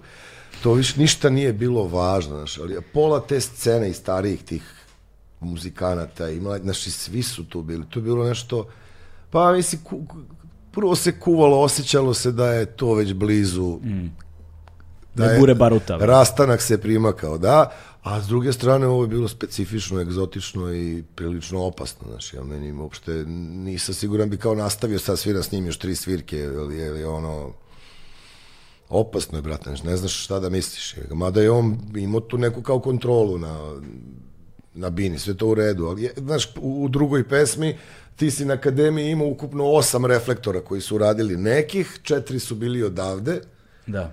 i, ovaj, i dve scene koje pamtim sam ti gornjim reflektorima, ovaj, jedna je ono osmi putnik 2 kad Lima u prvoj pesmi skoči i udari glavom jebi ga i kao brate još pet minuta i čao, a drugi je kao Satan Panonski druga pesma okrene stalak i slomi sve reflektore. I ti sad sviraš i radi ovaj samo jedan kao i gledaš se znaš. Uh, Jeste ti, ili, a u drugoj, trećoj, znaš, kao razbije flašu i onda se iseče ovako, kao do kraja, i razbije sebi glavu, a u prvoj pesmi posle dobroveče rekao je kao vi koji ste došli večeras po krv, zajebali ste se. Ne. I sad ti kao si klinac, sve je to super, kao sviraš, uje, evo te, ali je zanimljivo, ali mislim, ne znam ja, znaš, e, Gde to vodi? nije mi kućni prijatelj. ali je činjenica da je imao su, nenormalne tekstove te koji nisu bili uopšte u tim albumima njegovim ludačkim, uh, nekoliko sjajnih uh, tekstova, ima jednu pesmu koja se zvala Jugoslavija, uh, ovaj, Zaboravim se sad kako se zove, ali nešto u našoj dvorištu ra, rastao je kaktus ili tako, ne, ne kaktus, nego, ne znam kako je bilo, u svakom slučaju, zadnja rečenica te, pe, te njegove pesme je bilo, nažalost, ta biljka nije imala bodlje. A pesma mu se zvala Jugoslavija, a imaju one momente, on, mislim, uh, ne znam sad s kim bi ga to poredio, ali ima one opljačkaću apoteku, onaj kad mi nije dobar dan, dogodi se i artan, noge mi ne idu pravo, znam nije zdravo. To su ti neki kao uh, songovi između pesama, znaš, tako da je to bilo red opasnog, red smešnog, red raštimovnog, red bez veze, pa onda hit, Da. pa onda iz početka opet, znaš. I egzotično je, zanimljivo je kad si mlad, kao, znaš, još pogotovo, te, uh, meni je Voja Vijatov od, od detinjstva drugar, jedan od najboljih. Da. Ali, uh, matori, razumeš, ja sam jedna od redkih ličnosti na planeti koje je u istoj, u istom minutu i satu bio na bini sa Ivicom Čuljkom i Vojom Vijatovim. Ako, mislim, znaš, malo ljudi može da pretpostavi šta to može da znači. Ali taj sukob energija, ta količina, ono, to je, brate, to su dve atomske bombe. Mislim, to ne, ne, ne može, ono... Da, teško je objasniti ljudima fenomen Voje Vijatova, ovaj, koji nisu upućeni, ne znam, neka googlaju onomatopeja Ma ideja. oni su uglavnom upućeni, nego ne znaju da je to Voja Vijatov. A, pa da. Znaš, i ti im onda kažeš, čekaj, znaš ti ono, iza svakog ugla vreba Dragan Kojić Keba, je, znaš ovo, je, znaš ono, ko znam, znam, znam, znam, pa to je kao, pa čekaj, zar se to ne zove, ma kao, brate, to je sve Voja Vijatov, jebate. Ne? Voja Vijatov je, uh, pa ono, srpska kulturna baština, je, znaš, to Da, je, živi spomenik. Jeste, živi sport, neverovatno. E, Sad on, e, posljednjih, ne znam, desetak i više godina, možda snimio jednu, dve pesme, već je onu malo se umorio i tako Da. dalje, ali taj jedan period njegovog stvaralaštva je, o tome će tek da se priča, mislim, znaš, postoje stvari koje ne mogu da se, e, da se sakriju, znaš, Da. u, u, u, u krajnjoj liniji e, ovde su e, razni bendovi ispilili posle 20-30 godina, znaš, kao kad pogledaš, kad je Luna postala važna, jebote, posle, Da. mislim, 30 godina od raspada ili, ne, ili još da, da sad ne pričam Pa da, toliko. bio im je ovaj comeback, kon, mislim comeback koncert, nije A comeback dva su koncert, bila, nego- bio, no, je, da, bio je jedan exit u 2000, ne znam, Ali četvrte, bio je, ne, bio je jedan pete. pre toga. Ne, taj je bio, a posle je bio posle? ovaj u... Uh, u Karađorđevi, kako se zove? Mikseru. U Mixer Mikseru, House-u, Mixer taj House. drugi, da. Da, da, je to znam kad je bila ta da. druga luna, da je to bilo ono, ko nije bio, može se ubije, brate. To je... Pa dobro, ali to, ono, to su specifični ljudi, specifični Mm. ume- umetnici i, i nema tu mnogo muzike u minutima, a svaki minut je blago, znaš, specifični, ono, specifične četiri ličnosti. To je uh, baš ovaj, skoro sam gledao jedan baletov intervju, taj neki kao podcast novosadski, Mislim, to je fenomenalno. Znači, to kao da slušaš baleta koje su to priče. Šta je on radio, gde je bio? Znači, kao, gde je svirao bale, mislim, ne znam više u, u Novom Sadu, s kim nije, znači, a, što kaže Tišma, na kraju Luna je u stvari baletov projekat u kojem su oni učestvovali, znaš. Ali, Da, da. ali ali i, i, ne mogu da poredim baleta svojom vijatovim, ovo je akustičar, a ovaj je ono stršljen na električnoj gitari, znaš, ali a, stvarno ne bi bilo loše da, da ima ovaj da tih nekih ljudi koji evo sad nešto kao uče to novinarstvo i, i bave se nečim, da, da neko pobroji sve te dragulje koji su stvarno uh, jedino medijski zapostavljeni. Sve ostalo uh, će doći na svoje. Pa bilo je do duše bendova koji su dobili nekakav medijski prostor, baš i takvih, znaš, Urgih je dobio A dosta... dobro, ali ja pričam o pojedincima. Znaš. Da, da, aha, da. Ja pričam čak o, o, o pojedincima više nego sad kao ti Lunu možda rast, rastaviš kao i, i, i Led Zeppelin na, na, na posebne delove. Ko Bajagu instruktore, znaš, ti možeš svakom od njih da napišeš, brate, po soma stranica, znaš. Od Sveletu šta je sve snimao, kao do i te i te godine, pa jebi ga snimao je sve, znaš. On. Žiku šta je, de ono igrao predstave, babe, vamo tamo, Bajagi da ne priča, i tako do Kiće kao šta je radio za pozorište, Vrum, ovo, znaš. E tako možeš da, se, da seciraš gomilu bendova pojedinačno mm. uh, o članima kojima ja sam imao ideju ranije pa me posle mrzelo da radim jednu knjigu intervjua samo sa tim uh, off likovima, back tipo, znači malo manje zastupljenim, znači pa sam čak imao uh, kao spisak ko bi mi tu bio Zanimljiv, uh, da. znaš, zanimljiv jebote, znaš, pa i onda kao viš jebote vidi koliko tu ima tih ljudi, čoveče, stvarno, znaš, nije, Koji se nikada nisu gurali u prvi plan, Tako je, zapravo koji su tako je. kreirali ogroman deo ili kulturne se baštine. nisu gurali jer nisu morali, razumeš, ili ih nije ni interesovalo. Da, da, ili im prosto niko nije davao prostora u tom trenutku. Ili znaš. ovo da, gledajući na voju, ne ono, mada je, znaš, nije lako Voji dati pro, pro, probaj, probaj da dovedeš voju, to bi ti verovatno ne, ne bi ti bila najgledanija emisija, ali bi vjerojatno bila najbolja. Da. u zavisnosti od toga kako je Voja raspoložen. Ne, on je uvijek odličan. Bili smo, u, jeli smo burek skoro u Zrenjaninoj pijaci, fenomenalno je bilo. Da, da, da. Fenomenalno, to je ono, najbolji Tu burek. je najbolji burek, To jedini je, burek. Da, jedina pekara i jedini burek tu. I Da. ima još jedna, to je paralelno, ne znam, na 200 metara odatle, ali ona ne radi i druga ne postoji pekara. To su ti fine tuning momenti kao, znaš, ja sam ranije imao slične one s jogurtom problemi. Da. E onda kad sam ono slušao onaj kad sam čuo Timbeta, onu čuvenu rečenicu, nešto, ne znam ko je to, to nije čak ni otišao po burek, nož u bubreg, nego je valjda druga neka, ali da je u jedan moment, ono, a, a, pa kao granice nikako, znaš, kao, ja sam je li ovo moguće, čoveče, kao, Da. pa brate, kao, znaš, ovo je kraj pesništva. ovo je ta rečenica kao, znaš, i, i, i ja kao jezivo pazim na jogurt, kao mogu tri, znaš. Dobar dan, dobar dan, ko pekari, jel imate pogačice, jo, burek imamo, da. Ko imate jogurt, kad ti ne kaže koji imamo jogurt, nego kaže u čaši, ti se odmah okreneš i kažeš važi, ajde mrš u pičku. Da. Ko imate jogurt u čaši. Da, da. Koje cigare imate u kutiji? Pa jebi ga, znaš, mislim. Jer onda nema ove kravice i ovih tih pekarski, te neke subotice, par tih jogurta, što liče na jogurt. Da, da, da. Čim kaže imamo u čaši, okreneš se i I hvala lepo, znali smo se izviđenja, da, da, dobar da. dan i doviđenja. sreli smo se u aprilu. To, to, to. Ti si zapravo fan veliki ovaj, uh, bad kopija, odnosno ono, Ice Grutina, Pa tim ja, te ekipe. da, jesam, ali ovaj, nis, kako, Nisam, nisam ja znao da, da, da, da, da ono, toliko gotiviš Ice Grutina, to sam kao saznao. meni sam- je, meni on idol, čoče, meni on, uh, on mi leči dušu. Da. Znaš, ali više načina. Prvo tim stavom, tim bezobrazlukom, tim ono, ovaj, e, možda prevashodno dikcijom. da. Jer, znaš, pola te neke ekipe koji e, misle da su važni, nešto su i rekli, svaka im čast, vamo tamo, znaš, meni su malo mumlafoni, pa su mi malo nešto previše besni, a nisu, a pa, pa hoće da, hoće da pošalju neku poruku koja je jebeno bitna, da, znaš, a u stvari nije, ništa nije toliko bitno, znaš. Da, da, da. A on ima takvu dikciju, brate mili, sli, e, i boju, znaš, kao voli ga kompresor, ne znam šta je, sličnu varijantu kad slušaš Šprlju, Let 3, Da. ili Bajagu, ili, sad nam, tu su ljudi koje voli mikrofon, znači, a i znaju. I to malo što je potrebno da ti on prenese informaciju, on to ili osjeća ili zna, da Bog mu dao, nemam pojma.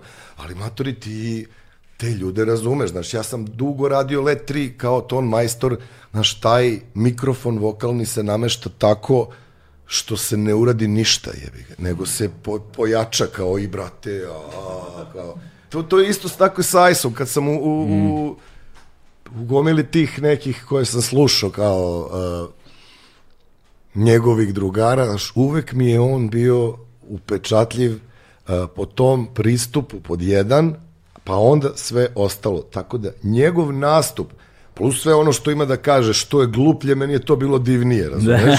Jer to je nepre, nepretencizno, znaš, ne mora da, znaš, ne diže revoluciju, ne, nego leči mi dušu, čovječ. Ja sam čak jednom, Uh, jednom sam, kad sam išao na njegov koncert, ja sam bio u fazonu, kao javio sam mu se sve, rekao ti si, brate, meni život promenio, ali nemam nikakvu nameru s tobom da se družim i da, daš, kao, kao kad bi Štuliću prišao, znaš. Da. Jedan specifičan odnos, znaš, znam nekoliko njih, šta ja znam sad, ono, uh, i, i tako, on je bio fazonu, daj, brate, nemoj da me, rekao, pa, znaš, i dan danas čoveka znam na dobar dan, misli, stvarno, ali mi je, kako vreme prolazi, meni on post, ostaje evergreen, znaš, Ne. i kao, hvala mu je, Da. znaš. Ovaj, a, u kom, kom trenutku i kako se formira blockout? Mislim, ka, kako ti ulaziš u blockout? Pa, uh, taj band se formirao na akademiji uh, ajde, 90-a, nešto kraj. Svirali su uh, ko- kod Jovana dole u prostoriji Danilo Pavičević, Milutin, Deki, Bubnjar, Trle Smiljakovca, basista. To je u stvari ta, ta prva postava. I Laki, jedan dečko koji se tu kratko zadržao. I imali su Ja mislim da su jedan, jedan koncert su imali pod imenom drugim, tim nekim ad hoc, posle su menjali ime i ovaj, e, ja mislim da su oni čak i imali jedan koncert kao Blockout, ja još nisam svirao da je Laki svirao. Jesu, tako je, zato što postoji ona akademija, uh, akademija KST, onaj live snimak, tako je, na kojem, na kojem jebote, da li ja sviram, da li svira Laki, više se i ne sećamo. Mislim da su imali tak. On je oti... ja sam se s njima družio, to je sve kao neka družina s akademije, ja sam to vreme imao ne, neki, neki bend, svirao sam sa Balaćem u nekom bendu i jednim strašnim bubnjarom Radanom sa Banjice i to je vrlo slično vreme kad je bio i ovaj Čuljkov koncert i tako da je. To je sve 90, jebi ga druga, prva, možda je ovo malo kasnije. I uh, onda je Laki valjda otišao u Holandiju ili nešto, već je to bilo vreme kad su ljudi palili vojska vamo tamo i kao zvali su mene da, da ovaj, Balać je bio nezainteresovan da sviramo, pravimo band naravno i onda sam ja došao ovde i kao jedno vreme smo svirali te njihove stare pesme, pa smo počeli sviramo moje nove i onda su se vremenom tako menjali ljudi. Deki je otišao u Italiju, pa sam ja zvao Miljka, posle jedno vreme do sirotinske zabave Trle svirao ja sam već uvodio Balaća u bend jer nisam mogao da, da, da, da nisam mogao zamislim da sviram, a da tu nema Balaća, makar da je negde da gleda Da. ili, ili on je bio kao neki profesor, znaš, koji je A tako izgleda, ima i taj stav, da. Znam da mu se sigurno ne sviđa, da mu je to bez veze, da mu je to prosto, da će onako kao mm, i da će da padne neka uvreda, znaš, ali kao uh, meni je on bio, znaš, genijalan kao. Ja znaš. sam obožavao da Sve znam, kao, Ja sam, e. ja sam obožavao da Blem s Balaćem i radili smo dugo zajedno nas dvojica i onda Balać dođe na posao, to mi je bilo, Bala svako dođe na posao, potpuno nezainteresan za sve što se dešava u firmi.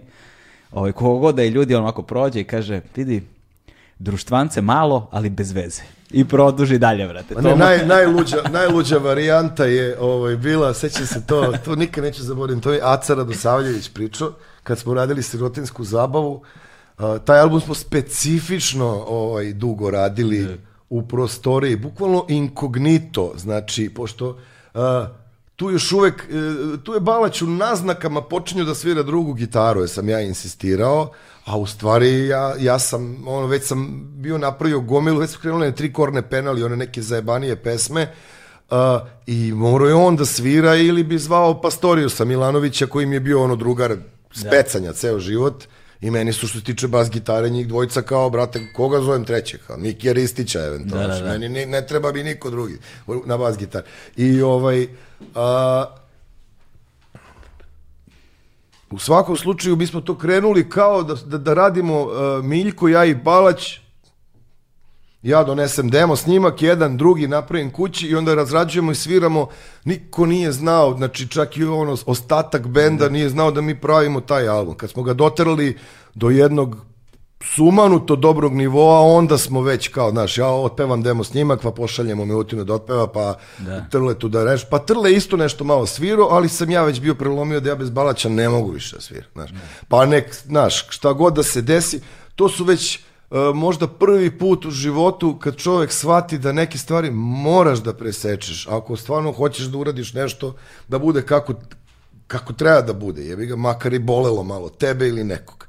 I to se dešavalo meni nekoliko puta u životu, ali možda i malo puta nego što je trebalo, možda nisi imao hrabrosti, ranije za neke stvari, levo desno, ali u ovom momentu sam uspeo da, da napravim to, da, da spojim Balaća i Miljka i da kao konačno, znaš, Da. e, vidim ono što sam kao mogao da vidim kao klinac, kao Bonham i John Paul Jones. Balać je najbliži John Paul Jones. To je čovjek koji ume sve i kao najvažniji član svakog benda i u publici jedino je publika u fazonu ko je ovaj u pičkom, šta ovaj, šta ovaj radi ovdje? Znaš, a on radi sve, brate. Da, da, pa da. To je to, ja sam, ja sam pošto- Jedino što ga taj bend baš mnogo ne interesuje. Znaš, kao, koja je sledeća pesma? Ti mu kažeš kao vertikalno gledano. Koja je to pesma? Kao iz, iz sve? Pa kao da, dobro, dobro, kao znam. Znaš. Kao, kao, ne znam da li je ikad bio naučio kako se zovu pesme. Kao, znaš, od- od- što nije važno, jer je kao, znaš, čim krene pesma, on zna sve. jebi. Da, da, Balać je, ovaj, meni je bas od uvek bio, ono, znaju moji drugari, si omiljeni instrument i uvek sam želeo da naučim da sviram bas. Ovaj, to je, i ono me Balać učio kako ono, bas je groove, kao koji daje, ono, znaš, ono što čuješ u pesmi što ti se sviđa, to je bas, jebi ga, razumeš? On daje tu, tu taj osjećaj, to osjećanje u pesmi, ovaj, taj feel, što bi rekli seljaci, i I onda sam ja, Balać mi je, sa Balaćem sam išao kupim svoju prvi, prvu bas gitaru. Znači, znaš kako to kupovina izgledala, Ne Balać, ne me, mogu da zamislim. Balać me vodi da kupim svoju prvu bas gitaru. Ovaj, kupio sam nekog uh, uh, Millennium PV-a, bio neki četvorožičani aktivni bas i onda sam pokušavao da vežbam. I sada ljudi koji me ne znaju, ne znaju to, ali ja apsolutno nemam nikakvu sposobnost reprodukcije bilo kakvog muzikalnog ičega, znači ni na koji način. I, ovaj, I svi su bili, to je fora kod ljudi koji imaju talenta i ljudi koji, imaju, koji su muzikalni. Znaš, vrlo često ljudi koji su muzikalni misle i imaju tendenciju da misle da svako može da nauči da svira i da peva samo da, ako da. dovoljno vežba. Znaš, to je kao, ma nije si, samo te niko nije dovoljno pokazao, nije niko dovoljno radio s tobom, znaš. Dok s druge strane ljudi koji nemaju nikakvog talenta, apsolutno znaju koliko je to nemoguće i ta dva sveta se nikada nisu razumela jer nemaju iskustvo jedni drugih. I, ovaj, I svi su pokušavali tako sa mnom, to su sve bili propali pokušaj. Sa Balaćem je bilo najdivnije, zato što on jedini imao dovoljno strpljenja da me sluša, kako, znaš, bio je tada metronomonline.com, tako nešto. što On je za sve uvek imao strpljenje, ali ga uopšte nikad niko nije interesovao. To, to, to. Samo imao vremena i eventualno neku igricu novu. Minesweeper koju igrao niko- tada. Da, na kompjuteru i kao šta, dobro, ajde molim te, vežbaj mi to tu i kao, da, znaš. Da, i onda ja vežbam walking, znaš, dva prsta, idemo dun, dun, prati i ovako, znaš, kao to lupaj, ja sam bukvalno, to je ono testiranje strpljenja ozbiljno, jedini koji je imao strpljenja Ja bio sam u tom uh, periodu ovaj, druženja sa njim i sviranja shvatio da postoje razni nivoji vremena. Da. Njegovo vreme koje teče na drugi način nego moje ili ne znam nečije, znači potpuno, znaš, kao, i ono na što sam ja bio ubeđen da on gubi vreme i nisam mogao da verujem, čoče, kako možeš, znaš, ovo, znaš, on je gomilu stvari nekih koje ja radim, gledao, nikad nije rekao, ali fazonu, kao, budala, znaš, ali tako funkcioniše život u stvari. Jer i one njegove, znaš, kad ga neko nervira i onda kreće preterana ona bizarna ljubaznost. Da, da, da. I kao, to, to su najgori momenti, to su des puta na svirkama. I onda kao kreće najodvratnija, biz- ono, neverovatno, najlepše vaspitanje koje može da postoji, da ovaj čovjek shvati na kraju da je pretero, da ga je nervirao sve, i, ali još uvijek se ne upoznaju, nego je samo tako neke lepe rečenice i gleda ga u oči, ono direktno, Da. i onda kao, pa je, pošto je sad prošlo već malo više vremena, da se upoznamo. Ja sam Sale i sad ću da ti jebe mater. Znaš, i to, to, to, ja sam to dva, tri puta, kao, i, ili neki čovjek bio u studiju, kad smo snimali tu sirotinsku zabavu, i sad je on čekao mene za neki intervju, a Balać je sedeo na polju, jer je u vreme snimanja sirotinske zabave on tu, on, on je e, počeo da snima škopi, tri, četiri pesme, Acar Radosavljević posle drugi deo nastavio. Tu, tu smo se nes nekoliko menjali e, kao trust mozgova, a u stvari, a u hodniku kod Leše uh, sedi Balać koga izađeš, da, da, aj dođe da čuješ da, šta ti misliš, znaš, onda on uđe kao, hm, bez veze. ali, da, a- ali odmah ima neko rešenje, kao ajde da pro, znaš, i tad neki čovjek je došao da radi neki intervju tu i ovaj mu je rekao sačekajte samo trenutak. I ja sam izašao bio u WC, pa sam se vratio. Posle tri sata sam ja izašao ponovo tamo nešto da uzmem i vidim da čovek vrlo uplašeno, znaš, sedi i dalje i kao, izvolite, levo desno, on kao, pa ja nisam teo da smetam, a ja vas čekam, već kao, rekao, ja ne znam da vi mene čekate, ovaj, znaš, a, a, a, a gledaš Balaća koji kao sedi i kaže, ne brini, sve je u redu. Znaš, kao, I kao da kaže njemu, jel svirate nešto? Ovo je kao, pa malo sviram, ne znam šta. Kaže, dobar dan, ja sam Sale. Da li biste želeli da odsvirate nešto na našem projektu? I čovjek ustane i ode i više nikad nije došao. Ne? Ali to, to mu je kao bila ono, pa dobro, sad vi ste radili na Metropolisu i tako. Da, da, mi smo Znaš, radili zajedno tamo, jeste. Uživao da, da, da prepada ljude. Mislim, Da, mo, bilo- moj, moj, moj apsolutno najdraži lik sa, sa Metropolisa za tih pet godina koliko sam radio tamo, ono, neprevaziđen i neponovljiv. Ovaj, pomenuo si malo pre uh, Mikija Ristića, a ti si dugo snimao i Darkwoode. Ja sam, Mislim, pored toga, Darkwoode... Da. Pa radio sam u stvari Darkude uh, kao live inženjer, kao tonac na koncertima, ja ne znam, preko 10 godina, Mm. a snimao sam dva, tri albuma kao snimatelj, ili kao pola, ili ono, to nešto elektropionira, nešto, na, da li život počinje u 30. To ili, nema znam tačno, već sad piše tamo koji je kad koji album i šta sam snimao, neki, jedan album sam snimao bubanje bas, pa je Bambi preuzeo posle gitare i vokale kod njih, i svašta, ali sam bio, Pa, osjećao sam se članom benda jedno deseta godina, ozbiljno Darko Dava, da. Da, ovaj, i sada to, to si radio znaš, sa Darkwoodima, ne znam, koliko si godina sa Bajagom? S- e, 18. 18 godina, celo punoletstvo je. Da, da. Celo punoletstvo je. Pa dobro, to mi je porodica, znaš. Da, da. Darkudi su mi bili ljubav i danas, kao, e, ako kažem kao sad kad pričali smo o blokautu, kao šta sad ljudi stalno nešto pričaju, šta bi moglo, kad bi moglo, ovo ono, a meni su možda Darkudi i Goribor e, s ove tačke gledišta, s obzirom da i dalje sviram te pesme i tako dalje, ove svoje, e, nekako živim u nadi da ću još jednom da ih vidim, znaš. Da, da, da. Pa to bi, mislim, zaista, zaista za, i za Goribor i za Darkwoode je prava greota nekako. I onda kad nekog od njih sretnem pa im kažem to, znaš, sa Stojketom sam u Puli pričao dva puta o tome, ili kad pričaš sa Lavom ili ne znam, sa Mikijem ili oni kao, kao, aj nemoj ti da mi pričaš. Kao, Mm. Da, da. Kao, znaš, nemoj ti tome da mi pričaš. I ja onda kao ono, "Eu, eu, eu", znaš, a u stvari vreme čini svoje i, i, i, i, i, i prolaze godine, a ko zna, nešto, Iceburn se bio kao skupio, posle još u najoriginalnoj postavi, Da. pa Ti si radio full control. Uh, ja sam miksao full control, Miksao. malo sam snimao, Sala Janković je došao iz Engleske, to je bio Mm. ozbiljan projekat kao 92-ka, ozbiljno vreme, ozbiljni, sve što je moglo da bude ozbiljno se tu desilo i onda je on morao da poče da, uh, smiksao je mental i smiksao je mm, da li Vored ili ne znam šta, do pola. I kao, e, evo ti reperi, ja idem sutra u London, jer je kao, e, zvao ga je Robert Smith, Cure kreće na turneju, on je trebao da bude jedan od tih monitoring tehničara koji e, rade probe od nekih, ne znam koliko su radili, 15-20 dana, nama je Sala Janković tad bio, ono, brate, znaš, i- idol je. I ovaj, naročito što se snije, tiče tog nekog e, snimačkog dela posla, znaš, ili ja sam već bio zaljubljen u Acu Radosavljevića, u Habića, u... S Acom sam mnogo toga radio kao snimatelj, Habića sam ono... e, kopirao, gledao šta radi i tako dalje. Ti su mi ljudi u studiju bili ne, ne, nenadjebivi. A Sala Janković je donao tu englesku školu prvi put, to kao usnimak, usnimak, usnimak, pa onda ćemo da vidimo šta je. I takvog me i ostavio da miksam full control u potpunom zabezeku sa ovim ludacima, razumeš? I kao ja sam bio strašno hrabar, kao, znaš, sad ćemo mi to, dođem.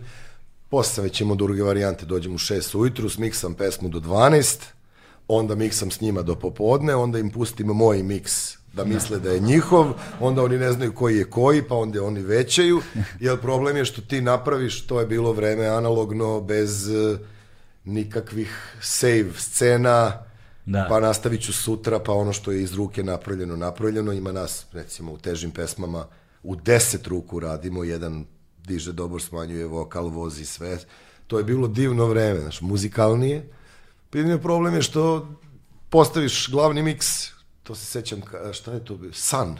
Aha, da. Da, e sad pogodiš sam ja pevao prateće i Black. Smo pevali prateće na tom Sunu, a Kojot je u tom momentu čak bilo je fenomenalno, ako još postoje prateći, ti odeš u WC, vratiš se, a kao ovde stoji taj regler Kojotov, ovde stoji Doboš, odeš u klonju, vratiš se, Kojotov regler je ovde, a kao Mengelicin Doboš je ovde. I kao, ček, ček, ovo nije, ne, ovo nije, pustiš kao ne čuje se vokal, Doboš kao tuf, tuf, kao jebote ljudi ste normalni, treba da vratiš i stalno ne, neka ta varijanta bila kao ovaj nije teo da čuje svoj malo da smanji. To je mi je Kolarić radio jedan kad smo neki veliki brezir miksali isto kao naš. Izađe, donese 4 kile lišća u studiju i samo nešto kao drobi, drobi, drobi, ti izađeš on kao malo smanji vokal. Ne, te, znaš, kao, ali ovaj, e, to je bilo sjajno iskustvo. Ne mogu ljudi sebe da slušaju. Kao, Sjajno. Pa druga je ovaj drugačije, ti čuješ sebe, znaš. Ali sjajno iskustvo, mislim. Najluđe iskustvo je bilo pre toga kad smo radili Shane, to smo ja i Đura radili kad smo ga natrli da peva na srpskom prvi put, jel? I Da. kao sad, pošto je to njemu bilo odvratno da će sad onda peva kao obrade, fuj, vamo tamo, pa kad su kao izađi i bori se, pa je to sve bilo malo ušlo i onu političku konotaciju, pa daš, ljudi su već svi kao ovo je fantastično i onda jedan dan smo snimali to kao Mm. I on neće peva i, i ruši mikrofon i svašta ono kad je bi ga, zavisi koje su, koje je to raspoloženja, nekad su divne, nekad su baš teška da, da ga podneseš i, i ima još takvih jeli, umetnika Da. koji su inače ono divni drugari i tako dalje, ali najneverovatnija scena je da kao mi snimamo i on kao peva sad taj haustor izađi i bori se, bla, bla, bla, bla, bla. I Samo kao, bez mamuza, bez tih Ma jebo konotacija mamuze, kaubojskih. nego taj kao srž teksta, da, da, i koji, za- koji je kao u jednom momentu kao ulice su prazne, ali iz prozora cajuba mu isper na nas. Da. I je kao, brate, daš, gledamo Mengelicu, kao, šta, šta peva ovo? Kaže Mengelica, to je vrh. Da, brate, Brate, Alek je znaš. imao taj, ono, S prozora cajuba muisper na nas. da, I to je ostalo i ja mislim da ono 90% ljudi, mislim kad, kad dođe taj deo u toj verziji Iceberg uopšte ne primeti, jer im se onda javi valjda Rundekova ona verzija, pa oni otpevaju to kako stvarno ide, a ne kako je ovaj ludak to ovaj, otpevao, ali to je ostalo kao, to je- jer to da, da- nije, da nije otpevao tu rečenicu, on ne bi nikad teo da snimi tu pesmu. Da, da. Mislim, da. Ona je bila izgovor da on otpeva tu pesmu. A, ovaj, ali, je, ali je strava zato što je to jedna od retkih situacija kada ti imaš obradu pesme koja je zaista dobra, koja nije više obrada. Odlično da. Koja počne da živi svoj paralelan život, nevezano potpuno za original. Ne moraš čak ni da znaš ništa o originalu, ova živi sasvim ono odvojeno za sebe, nepovezano. I koliko sam razumeo, čak i Rundek čuo tu stvar bio oduševljen, ono kao uje, Jeste, jeste, da. ovo je baš dobro. Ti si kad smo već kod toga i sa Rundekom uh, radio jako puno. Dugo sam radio s Rundekom, to su mi baš ovaj, Kako je izgledala saradnja sa njime? Pa, e, ja mislim e, da sam prvi put radio u SKC-u da me Zoran Vulović zvao, to je bio veliki bend, e, radio sam za Berara kao ton majstor, onda sam kao igrom slučaja, kao lice koje je tu zatečeno miksao prvi koncert, a onda su me zvali da putujem s njima I dok nisu krenuli oni baš veliki problemi kao sedi dva dana ispred ambasade i čekaju ovu vizu, sedi tri dana ispred ove, pa sve vreme su radili. Onda smo prestali, više nije bilo svrhe, morao je da uđe da radi. Ne, kad su oni krenuli da sviraju više, uh, još te neke zemlje okolo, koje više se nisu bazirali samo na Srbiju, Hrvatsku, šta ja znam, Makedoniju, morao je neko sa pasošem iz EU, pa je valjda, mislim da je Mario, on je tad već u Berlinu radio, da je, da je ušao da radi. Da, ovaj, dobro, dosta sad malo drugima da se fokusiramo, da se fokusiramo na tebe pre nego što pređemo na ove neke druge stvari, pošto mi je strašno zanimljivo to što zapravo ti uh, imaš to golemo studijsko iskustvo, gor- golemo iskustvo sa terena, odnosno ono sa turneja, festivala, rada sa gomilom izvođača, ima tu jako puno strašno zanimljivih stvari sa aspekta ono snimanja zvuka, tona i tako dalje, o čemu ćemo, o čemu ćemo verovatno puno da pričamo, jer ovde sam ja i zabeležio tonu tih nekih teza.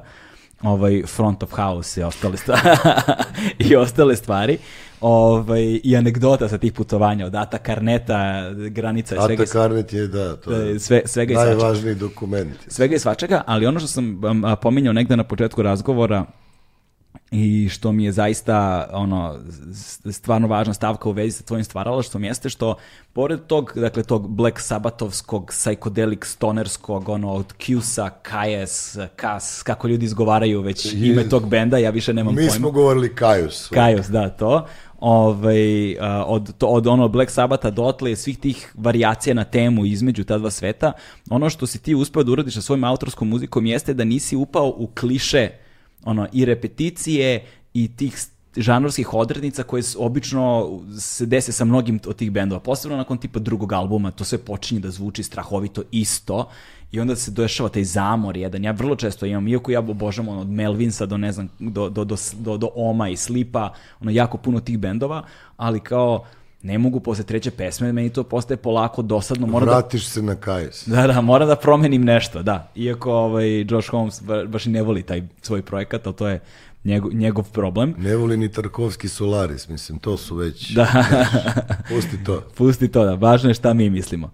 I ovaj, a, ti si zapravo uneo u sve, uz, uz sve te elemente jedan strahovit, ono zaista bez malo ono poetski, umetnički, beskompromisni pečat jedan, lični, ono autorski i tu postoji takva kombinacija zvukova koji nekako na tvom albumu imaju organsko jedinstvo. Znaš, delovali bi potpuno izmešteno, nakalemljeno, nakaradno, zbuđeno da neko drugi to radio. Kod tebe to zvuči organski, prirodno i ima to. I, i tvoji albumi su, isto kao što ja kažem stalno za Tool ili za Pink Floyd, ne znam, I, ovaj, Wish You Were Here i slično, to su albumi koje ja pustim od početka do kraja. Ja nekad i ne znam kako se zove, ja vrlo često ne znam kako se zove Da. pesma, zato što uvek slušam ceo album i onda ja prosto znam, jer taj nekako im je kompozicija celog dela ima smisla i recimo Uh, ajde, ajde sad da ko, konkretne primjere da navedem od tog, tog, tog oneobičavanja u zvuku o kojem smo govorili. Ti si imao na prvom albumu prva pesma ispod tvoga oka, je li tako? Da, da, znači tu ima ona klavirska tema, ima ta simfonijska neka cela koja pesma ono 10-11 Jest, minuta koja se da. pretvara ono ima svoju evoluciju jednu koju ja ne znam gde to možeš da čuješ zapravo. Znaš, s druge strane, na primjer, to sam, to sam ti rekao da me strašno podsjeća na bendove poput Rush, Russian Circles i slično, taj zvuk na Veronautici, zapravo ta pesma Veronautika koja je ono šizofrenija. Jeste, je, je, da. je, znaš, i koja, to su zapravo meni stvari, ali opet na tom istom albumu imaš e, pesme poput e, dve reči. Znaš, kao da imaš to su ono juxtapozi, to su kontrasti, su Ali is, i, i, iskrene su. Pa, Znaš, to kad- je, kad da. ih ovaj, pogledaš, e, one su, one su iskrene i, i ovo je možda ljubavna, ova je životnija, ali sve to, sve to priča o nekome Mm. ili u jednom o, o, o nekih dva sata ili dva dana nečijeg života. Znači, sad ti, o, dve reči je jasna pesma, to je ljubavna pesma i, i kao ne treba sad trošiti vreme da se objašnjava To je, nešto si- što... to je sing-along na koncertima, to Jeste, svi vole. Ono, Tako da. je, da. A veronautika nije. Da. I ne verujem kao što s blokautom uh, mi smo pipavo pokušavali da sviramo nevremena i na kraju uspevali Mhm. do nekoliko tih ono crescendo momenata kada su izlazili Velja, Jevi Sabata i Danilo Consecration sa još dve gitare koje ono prave mikrofoni i tako smo završavali koncert. D- Gde smo kao već bili dovoljno hrabri da, da, da, da se raspadne E Da, cela. i Konci su, eto, taj još jedan Da. band, njih nismo A- pomenuli, da. Ove, a veronautika, mi možda e, pričamo pesmi veronautika, ona je otišla e, iskrenije u tekstu i to je, sad kao neće se naljutiti e, Jadranka Janković, što ja nisam pričao o tome nikada, ali to je u stvari, znaš, e, ja sam mnogo volio njenog Ćaleta Krunu koji je bio trener veslača zvezde i kao e, volio sam da idem, e, Burazer tetke mi trenirao veslanje i tako dalje, ali često sam naš na Adi ono pričao sa Krunom i, i on je bio legenda Ade Ciganlije kao iz, i meni je bio neverovatan obožavao sam Da, ga, ti si znaš. bio vaterpolista. ja sam igrao vaterpolo nije ni važno. A imao sam u Grocskoj Čikačedu Ilića Ćaletovog drugara koji me prvi put odveo na pecanje. I vodio mene u Ivanovo i vodio me na Dunav. I a, i- meni su ta dva čoveka bili Dunav i Sava. Kruna mi je bio Sava, posle mi je još uh, ovaj uh, komšija Bogdan iz moje ulice, on mi je isto bio Sava, ali on je ovaj čovjek živ i zdrav. Za ovu dvojicu kao Znači, Kruna mi je Sava, on zna sve o Savi, znači ne zna niko to što on zna, i Čikačeda mi je bio Dunav. Ja nisam znao nikoga drugog ko bi mogao da mi bude Dunav. Da. Eto.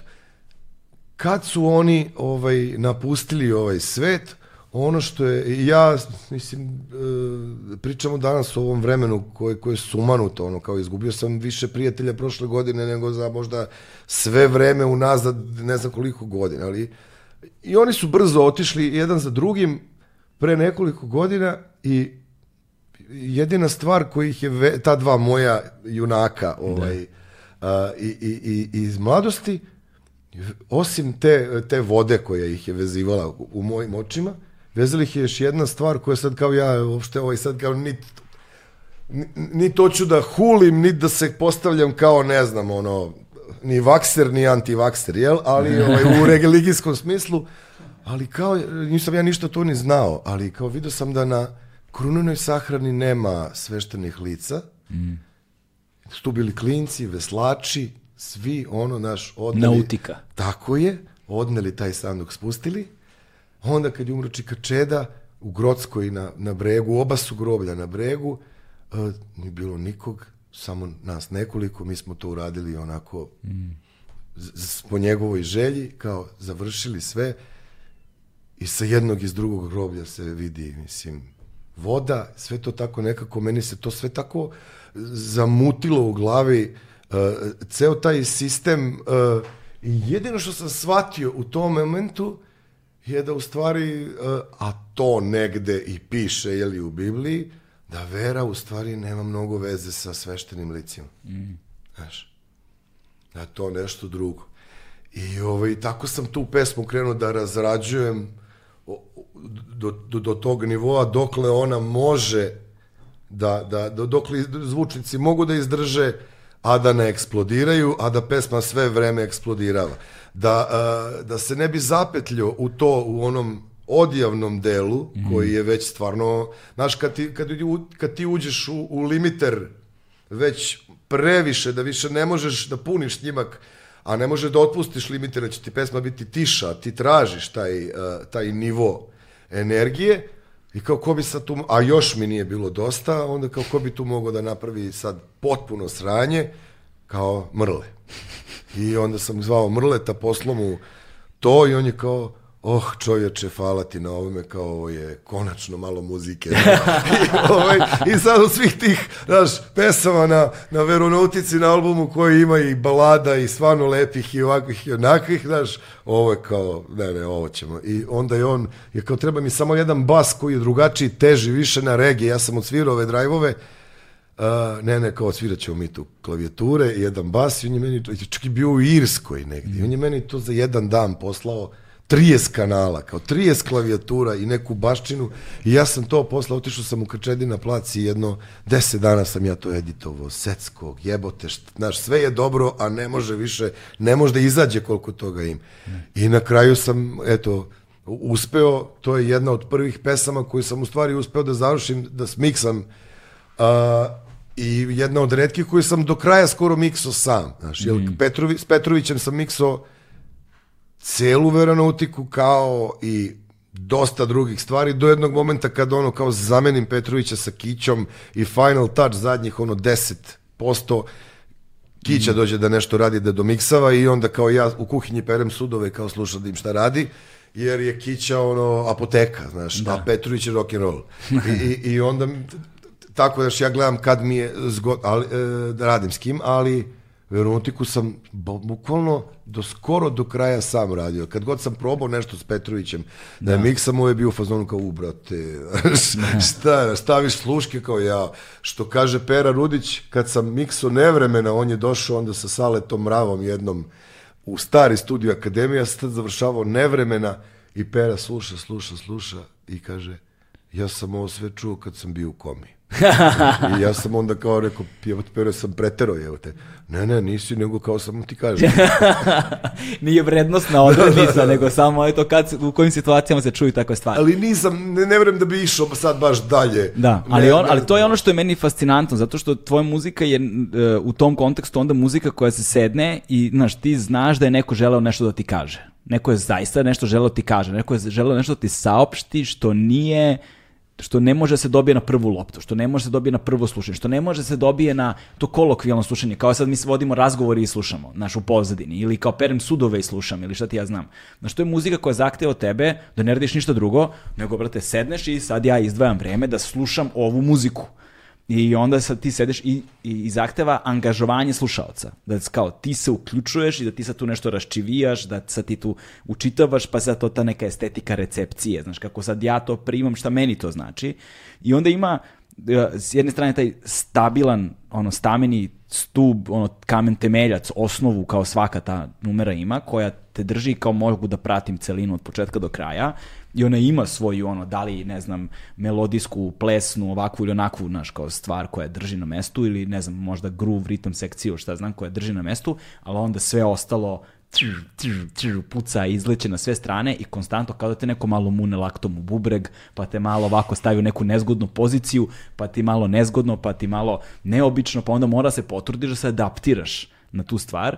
I onda se u tom spoju zapravo tebe kao autora i nekoga kao slušaoca otvaraju ti svetovi, znaš, ne, otvaraju se te interpretacije, ta tumačenja i to i investirano vreme ti onda znači, vežeš se, znači ti si i, i emocionalno i trudom i vremenom si se investirao nešto i to je ono što, verovatno je samim tim tvoja publika takva, ono, ja, ja ne znam, uh, verniju publiku, ono, ok, metalce, metalce stavljamo po strani i oni su kategorija za sebe, ali kao Nikola Branjković, brate, to je die hard, to su die hard fanovi, znaš, kao što su svoje vremeno bili fanovi Blockouta. Ovaj, kako kaže, imaju oni da, graj, ima. grajmeri iz Novog Sada, kad da, kažu Srbije u depresiji ko fanovi Blockouta, ne znam si čuo tu rimu. Jesam, tako nisam.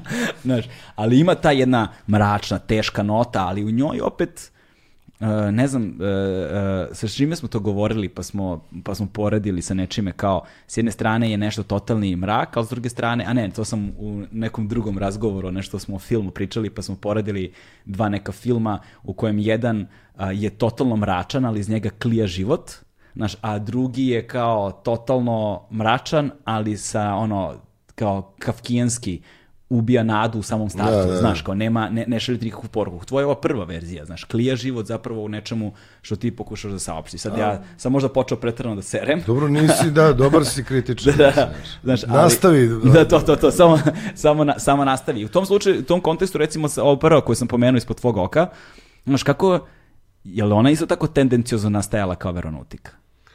Pa to je, uh, Ko je svirao to, to je uopšte? malo ranije. Uh, to je uh, svirala Danica Borisavljević. Mislim, genijalno je odsvirano to, znaš. ovaj, u, u, u Njujorku i mi smo se tu dopisivali par puta, ja sam napravio gitarski taj uvod koji mi je bilo jako teško, što zbog štima, što zbog tog nekog e, sviranja desnom rukom gde ja nisam vičan da sviram prstima, a napravio sam taj neki raspored, sam dugo, dugo vežbu da to usnimim. Kad sam usnimio srednji deo, ja sam onda tek radio glavni deo pesme, mm. gde je realno ovaj, to je pesma dva, tri akorda sa lepa ljubavna pesma sa lepim tekstom, ništa specijalno, koju je začinio Peđa Milanović Pastoriju sa jednim od najlepših bas gitara koje sam ja ikad čuo. A, fantastično uradio i taj aranžman je bio gotov, a onda mi je nešto falilo kao nije to to, onda sam ja Danici postao, nisam je poslao u pesmu, nego sam je poslao samo ovaj uvod na gitari mm. i, i pošto je ona od, od postoji stvarno nekoliko ljudi koji divno sviraju i divno razmišljaju, znaš, od Sonje Lončar do Danice, sa Danice je daleko, redko se viđamo i tako dalje, ali to, to je ono fantastično ovaj, šta radi trenutno, šta radi sa mužem sada u novu muziku. I zamolio sam je da ona odsvira isto taj moj uvod koji sam ja osvirao na gitari, da ga ona odsvira na klaviru.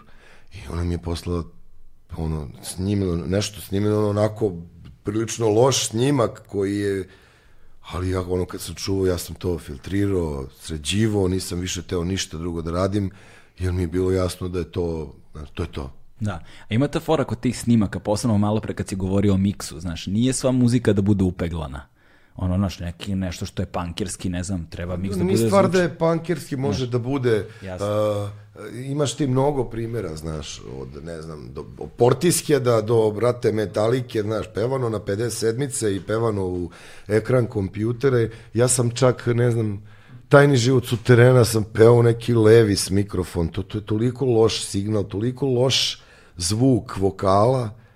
Bremeplov sam isto pevao nešto u ekran, na meu garage band. E, e, Ja se tro, ono, potrošiš po 20 dana da probaš da iščistiš taj vokal, da bi ljudi na kraju mislili da si ti tako hteo da zvuči Da, da, to. da. A to je jedino moguće da tako zvuči, a da ne bude katastrofa. Ali sam ja u tih nekoliko pesama posle toga u nekoliko navrata probao da otpevam te pesme na uh, nekoliko studija na najboljoj tehnici, na najskupljim mikrofonima i to je bilo jedno takvo sranje Da. koje fenomenalno zvuči. onda, I onda kad ti kao vidiš, o, o, znaš, pustiš ili imaš trekove ili imaš neki demo snimak i kao sad pustiš ovo ovo, ma, o, ovo smeće od snimka iz kog kao ono curi neka iskrenost i pustiš ovaj kao load reload je ga Da, da, da, nazoveš a, a, a, ovaj ko, koji zvuči fenomenalno i plus si ti kao snimio vokal i ovaj i ovi što ste snimali i sve kao matori kako i kakav u snimak ogroman je signal znaš ono brate jebote To, to. katastrofa jebote ono impotentni robot koji se obraća nekome znaš, užas. I, i ti više ne možeš da e, pokušavaš ti kao aj sutra ću ja to opet da otpevam. Ma kakvi brate znaš? Jer tebi je sve vreme u glavi onaj demo snimak i ti kad god dođeš znaš kao neću više da ga slušam. I onda kao pa te da te čujem bre mamu ti i kao pustiš kao jao jao više nikad neću moći da otpevam. Jer, jer taj dan kad si pevao demo snimak ti uopšte nisi imao nameru da ga otpevaš da bi on bio za široke narodne mase, on je bio za tebe. Mm. A ti si ga pevao tako da sledeći put kad ga čuješ, kao kad nešto pevaš, a nemaš do kraja tekst, a ti znaš emociju mm. u kojoj želiš da bude tekst. Ti često ovaj, uh, tim njakanjem nekim ku ku ku mu mu mu bu bu bu sam sebi izazoveš pravljenje teksta jer si emociju polako podigao i kao čim završiš to pravljenje melodije pesme pevanja ti si već počeo da pišeš tekst, kao jasno ti je sve o čemu se radi. Samo još ni, ni jasno koje ćeš reči da upotrebiš, Da, da. ali energija ti je jasna, jasno ti je koliko će biti strofa, jasno ti je kako će da ide ta gradacija, sve to i to je jedna igra koja je predivna. I u toj igri kad ti e, dođeš do tog ni to neka, neki spektakl, nema to mrtvih i bolesnih, ali kad dođeš do nivoa hrabrosti, da kažeš, e, ovaj demo snimak ide na moj album, ovaj trek od vokala i ove dve gitare i ne znam, e, i ovaj, evo, klavir koji zvuči odvratno, e, ali to ide na album, a snimit će se dobar bubanj i dobar bas i još ponovo sve, jer ovo više niko ne može da odsvira ili otpeva nikad. Da, I, I meni je to u jednom momentu ovaj, postalo jasno i danas više nemam nikakve probleme s tim, znaš, kao. Da. ono, I on drugara jednog koji ovaj, voli da snima vokale u kupatilu svom, u tuš kabini, jer mu se, jer mu se, jer mu se dopada taj reverb, brate, od tuš, tuš dobro. kabine, od, od pločica koji, koji mu se vraća i kao, znaš, nema tog studija koji može to da mu napravi, znaš. Se čuje sve nekako, m- to čak nije ni metalno, stakleno, znaš, stakleni neki reverb, nekako potpuno Dobro, bizarno. možda kupi još jednu tuš kabinu, stavi u gluvać. Mislim, ne mora sad da ide u WC. Da, nisu tuš kabine. Ono, Tako su i Bad Copy prvi album snimali sa Jorganom preko glave, znaš. Ali to je, to je situacija kada ono, neka, nekada i nužnost je majka inovacije vrlo često, znaš, kao... A to su najlepše stvari. bre. To kad prođe kad prođe 10 godina posle toga, malo, uh, malo se tu, znaš, uh, naročito u, u, u toj nekoj rock muzici, malo se tu gubi uh, ta bitnost skupoće snimka, a ostaje iza ono što je najvažnije. Jer ti više Uh, ti kad slušaš Joy Division sada, one, mm, kada je to, Martin Hennett, da. te momente i, i, iza, te hajhite, te neke do, do, double doboše, te uh, neke te brze dileje na vokalu, a sve zajedno taj Joy Division vazda šljampa, vazda nekako kao, čak i kad si ih bih poredio u to vreme, s kim bih poredio, Bauhausom, znaš kao, Bauhaus je bio ovoliki, brate, ono kad sviraju, a Joy Division je sav klimav, sav nešto, a kako vreme prolazi, mislim, ja mnogo volim Bauhaus i sve, ali Joy Divisionu verujem, brate, svakog dana duplo više. Da, Godfathers of Goth. Zbog tog, zbog tog ne, nekog e, celokupnog utiska koji nema veze s kvalitetom saunda, nego ima veze s tom porukom i energijom tog snimka. Mm, pa da, kad govorimo o tom soundu, sad s druge strane imaš recimo drugu vrstu ekstrema kao što su Grateful Dead bili sa ono tim njihovim wall of sound koji su pravili jebi ga za te svoje velike turneje gde su ono imali tu hippie ekipu koja ih je pratila jela eside ono na, na svakom mogućem koncertu jer je beše njihov tonac ili tako neko bio glavni kuvar za ono LSD na svetu. Znaš da je nešto bio Nisam to- Da, da, mislim da je neki njihov nisam školovao. Da, dakle ljudi će to ljudi će to proguglajte, proverite i ljudi će to ljudi će to saznati. Ja mislim da je Tonac na, na, na turneji Grateful Deada bio lik koji je bio jedan od najpoznatijih uh, dilera esida i LSD-a koji je on kuvao sam ono bečove i kao delio je to na svakom koncertu 5000 njih ono na heavy dozama LSD-a jebi ga. I on su pravili taj wall of sound koji je donosio taj efekat koji je kasnije postajao ono festivalski standard, mislim sa digitalnom tehnologijom koju danas imamo, mislim mi svi govorimo o vremenu suve analogije, zbog toga su i Pink Floyd i Zeppelin i ostali bili veliki, jer šta su oni pravili da bi dobili taj sound, da bi dobili te oscilacije, da bi dobili te ono uh, te, te, te frekvencije, te zvukove, to je se moralo analogno da se pravi, jebi ga meni. To su opasne frekvencije. Opasna. ovaj, um, ali kad smo već kod toga, eto, da pređemo sad malo na zvuk. Znači, ja sam sebi zapisao ovde FOH, Front of House, jebi ga.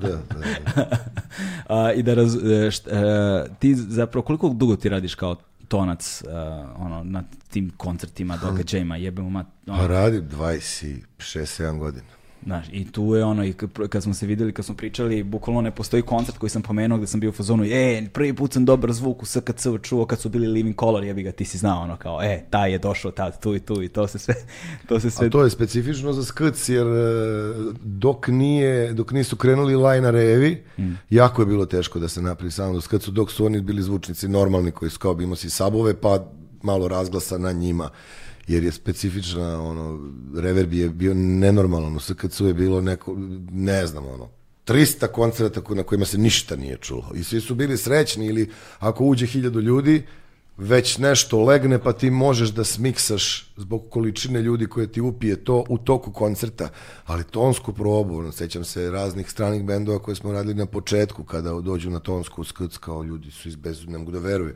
Jedini izbezumljeniji su bili ovi što su u to vreme na sajmu imali koncert. I kao, znaš, sviraš ono treću pesmu, a vraća ti se druga odavno. Da. To, zajebano je to. Ali mi, i, znaš, i, aj sad u sajmu, znaš, sve to super, pa se onda, ne znam, bio je neki, mislim, prvo Deep Purple, koji je mm. Baja rešio to sa onim zastavicama koje su tamo bili, pa posle je bio Jamiroquai, na kraju R.E.M. Jamiroquai je katastrofalno zvučao. Ovaj, ne, a onda R.E.M., R.E.M. je dobro zvučao. fenomenalno ili Baja I smanjio, Prodigy je bio dobar. Smanjio sve na, pa dobro, Prodigy je uvek dobar. Da. Čekaj, Prodigy bio na velikom sajmu. Jebote, ne znam ko Nije je bio, to sam, to sam ja radio. Znam da je bio oktobar mesec. To je bio, čekaj, to je Overdrive bio predgrupa. Taj A, da, da, da, da, To je da. bilo na drugom sajmu, ono neka druga Manja hala, sala, manja hala, manja hala, hala. tako je, da, da, da. to je prvi dolazak John Bartona u, u Srbiju, tu se sve promenilo kad je, znaš, posle tog dana kad je Barton prvi put došao s Prodigyjem, uh, to je čoče, ono, meni se život promenio, a i gomili mojih drugara. Zašto? Pa zato što je on jedan divan čovek koji nas je sve kupio uh, sa tri osmeha i s tim soundom koji je pravio i što je posle toga redovno dolazio i, na, i on i kako se ovaj, Joe Campbell, taj čovjek koji je radio monitore, puno predavanja, puno nekih novih informacija, puno stvari koje smo mi uči, učili od njega direktno, koje smo posle primenjivali na festivalima koje smo radili za, za, za E, ima- Berara, za Sky Music Da. i tako dalje, za sve te velike firme koje... E, tu, tu se baš desio na tom koncertu, to si ti pominjao, ovaj, kada ti si radio Overdrive, Yes, ti si, ti si radio Overdrive. Ja jedno- sam bio domaćin razglasa, ja sam njemu Da. spremio Prodigy, on čovek ti napiše u Rajderu sve što ti treba, ti mu spremiš na mikseru sve što treba, vežeš već ili njegov pomoćnik i radiš predgrupu kao domaćin. Ako predgrupa nema svog čoveka, ako predgrupa ima svoj, svog čoveka, onda si pomoćnik i tom... A tu su bila neka pravila o decibelaži. Pa da, uvek postoje pravila u decibelaži i e, nekad na nekim e, baš nekim zajbanim headlinerima postoji varijanta da je Metallica to radi često i tako neki ono kao znaš ne može da sport band može da ide do toliko decibela jer kao posle kad, kad Lars udari prvi dobro što mora bude duplo glasnije mislim znaš, kao. i tako dalje. Ovi nisu imali tu neku bila je neka ne znam po kojoj krivo je bilo nešto kao 105 107 decibela i nisi smeo da se pređe taj limit. I ja sam bio ponosan ovaj uh, Overdrive je strašno zvuču. Mislim, dan danas strašno zvuči, je meni je baš žao što taj bend... Jedan od najpodcenjenijih. Neverovatno, sam vjerojatno jedan najboljih pevača ikad na ovim prostorima i tako dalje. Sumanuto, znaš, kao ceo, svi ti, ono, ti neki stranci koji su tu bili, svi su se zabezeknuli od, od benda. Ja sam bio mnogo ponosan, a ima nekoliko tih bendova koje je jako lako uraditi, znaš, od, ov, e, sa tom sličnom vrstom muzike, od overdrive do ritma nereda. Mislim, ti imaš neko znanje, i imaš veliko iskustvo, ali to što dobijaš sa bine od takvih nekih bendova koji su, imaju taj uh, prostiji nivo desne ruke, da kažem, znači nema mnogo oscilacije u tim žicama, nego su kao kad bi radio, ne znam, Soulfly, jebi ga. Da, da. Tako da, ali kad to naučiš da uradiš, ti možeš prvo da napraviš neverovatan zvučni zid, a drugo da se osjećaš kao ono, jebote, ali mi je dobro, znaš. Ja se tad baš osjećam fantastično, kao klinac, napravio sam zvuk, veliki razglas, sve i onda mi je kao Barton pokazao kao da sam prešao taj nivo i kao nije to u redu, i sad, ali kao nisi ispoštovao dogovor, znaš, ali do ono neke kolače, flomastere, strašno divan čovjek i, a sad ću, kaže, ja da radim dosta tiše od tebe i bit ću kao tri put glasniji od tebe. I kao stvarno tako je bilo kad je krenulo, brate, znaš, ti gledaš one metre, on je sve vreme ispod mene, a glava ti se raspada, bub, bubrezi, ne znaš gde ćeš zbubr, znaš, ono.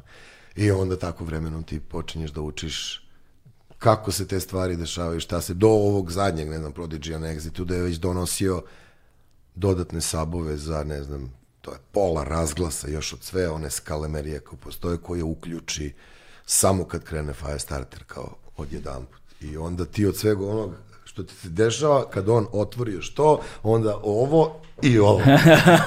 I kao, brate, jel mogu? Pri to, znaš, čovjek nema veze s tom muzikom, ne znam ni da li je voli. Nego, Ko Balać. Znaš, pa, e, bravo, bravo. Znači, nego kao matematički, fizički je to ovako i ovo, ovo, e, sa, i sad ćemo mi to da uradimo, znaš. I onako, smeška se i, ali zavoliš posao kroz takve ljude. Znaš, ja sam imao sreću, koliko sam radio, 19 egzita sam radio kao ton majstor na domaćin na, na mainu. Ne znam, možda Ivan Brusić, nešto je bio na frontu, nešto je bio na, na, na, na, na bini, na monitorima, ne znam da li je radio 19-20. I još nekoliko ima tu ljudi koji su na 12-13, pošto su tu i firme menjale, ali su uglavnom iste ljude angažovale, ove koji su sve vreme tu. A, za to vreme mnogo, mnogo ovaj, odgledaš bendova, nastupa, još važnije mnogo tonskih proba, znači te tonske probe su škola velika, ranije su bili mnogo velika, danas ponekad, jer postoje sejvovane scene, pa su nekad sa tonske, onako samo lajnovi, ljudi ni ne dođu, nego samo ovaj, iščekiraju sve, pošto je sve namešteno, ali u principu dobra tonska proba je ono godinu dana fakultete. Da, da, da, da. Ovaj, za ljude koji ne znaju, dakle, kada čujete na mainu, na glavnoj bini da, su, da je isključena muzika, ovaj, dok vi plešete, to je, to je gospodin Nikola Vranković. Nije to, to, to. I tu mora da ima, ovaj, to, to, to smo mi učili kroz godine, znaš. Ne. Jer tu postoji, uh, to, to je kad radim ove uh, završi se na Exitu program ovaj glavni, glavni program, znači završio je neki headliner tipa. Recimo ne, Cure. Cure je završio ili već ne znam ko je sad bio i godina i sad više nema niko s gitarom, mada u jednom periodu bilo jako malo s gitarom, već smo se plašili pa je taj Cure onako došao komelem na ranu i Anselmo, sa šta će biti dalje, aj vidjet ćemo. U svakom da, slučaju... Anselm, Anselmo bio posle Cura. Ja mislim te godine da je bio. Da je bio. Ne, ne, bili su iste godine, Nije znam. isti dan. Da, ali on je, on je, da, on je, on je, on je svirao, ali svirao je Panterine pesme, kao to je bila Panterina turneja. Ali nije svirao dve koje sam vidio. Ja mislim da li nije svirao Revolution is my name i da nije svirao još jedno, pa se se bio iznervirao. Da, da, jeste, Ali je bio odličan za divno čudo. Jeste bio odličan, da. Baš, i da, i on je bio dobar, ono, prestao da pije. Pa bio dobro, sav ne- friendly i gotivan. Da, Pa ne znam, ne- nekad neko prestane da pije pa je ono lošije, Da, ali da, da, da, da. odličan je. Na njega očigledno dobro delovalo. E, kad to završi, onda ovaj, uh, pola ekipe odlazi na onaj Fusion ili odlaze uh, kući. Ili odlaze ta na ekipa, Dance Arenu. uh, pa, uh, uglavnom, uh, ili neki odlaze na Mordor, da. Mordor, da. ovaj, a, a, o- ovaj, tako mi ovaj, sa maina zovemo Dance Arenu. A ovde dolaze ovi koje šta ja znam, mislim, tu, tu ima zanimljivog i ima dosadnog i to traje do šest ujutru i meni u tom trenutku nije uopšte bitno ko mi je na bini, bitno mi je da is, tehnički to sve ostanem ja ili dva čoveka i dva čoveka na bini kao sad dežurni do ujutru. Tu je u stvari sad sledeća situacija najvažnija, to su momenti kad razglas može da se jeli, uh, oni vole da prave strašno velike oscilacije, znaš, da imaju svoje miksere, pojačati naglo, neki su jako uviđavni i kulturni, neki su potpuna stoka Da. i onda ti tu moraš da, da, da reaguješ, znaš, bukvalno Teraju ga u klip non stop, ono. Pa da, ali sad, što ga on više tera u klip, zvuk je odvratniji i, i bit će malo tiše, znaš. Što ga on ostavi normalno, u normalnom nekom nivou, da ja mogu da ga pojačam, svima će biti dobro. Osim ovima kojima nikad nije dovoljno. Znači, to su limiti, znači, najglasnijih zvukova na svim festivalima na svetu i oni, on, znaš, kao okreće se i kao, čaj pre pička ti, znaš, ti kao ne znaš više kako se zoveš, koliko je to glasno. I onda, znaš, preti ti, i, i, ima takvih gomila nekih likova i svašta se tu dešava. Tebe boli uvo kao imaš tu pet redara ispred koji jedu sendviče kao, znaš, aj beži kao, znaš.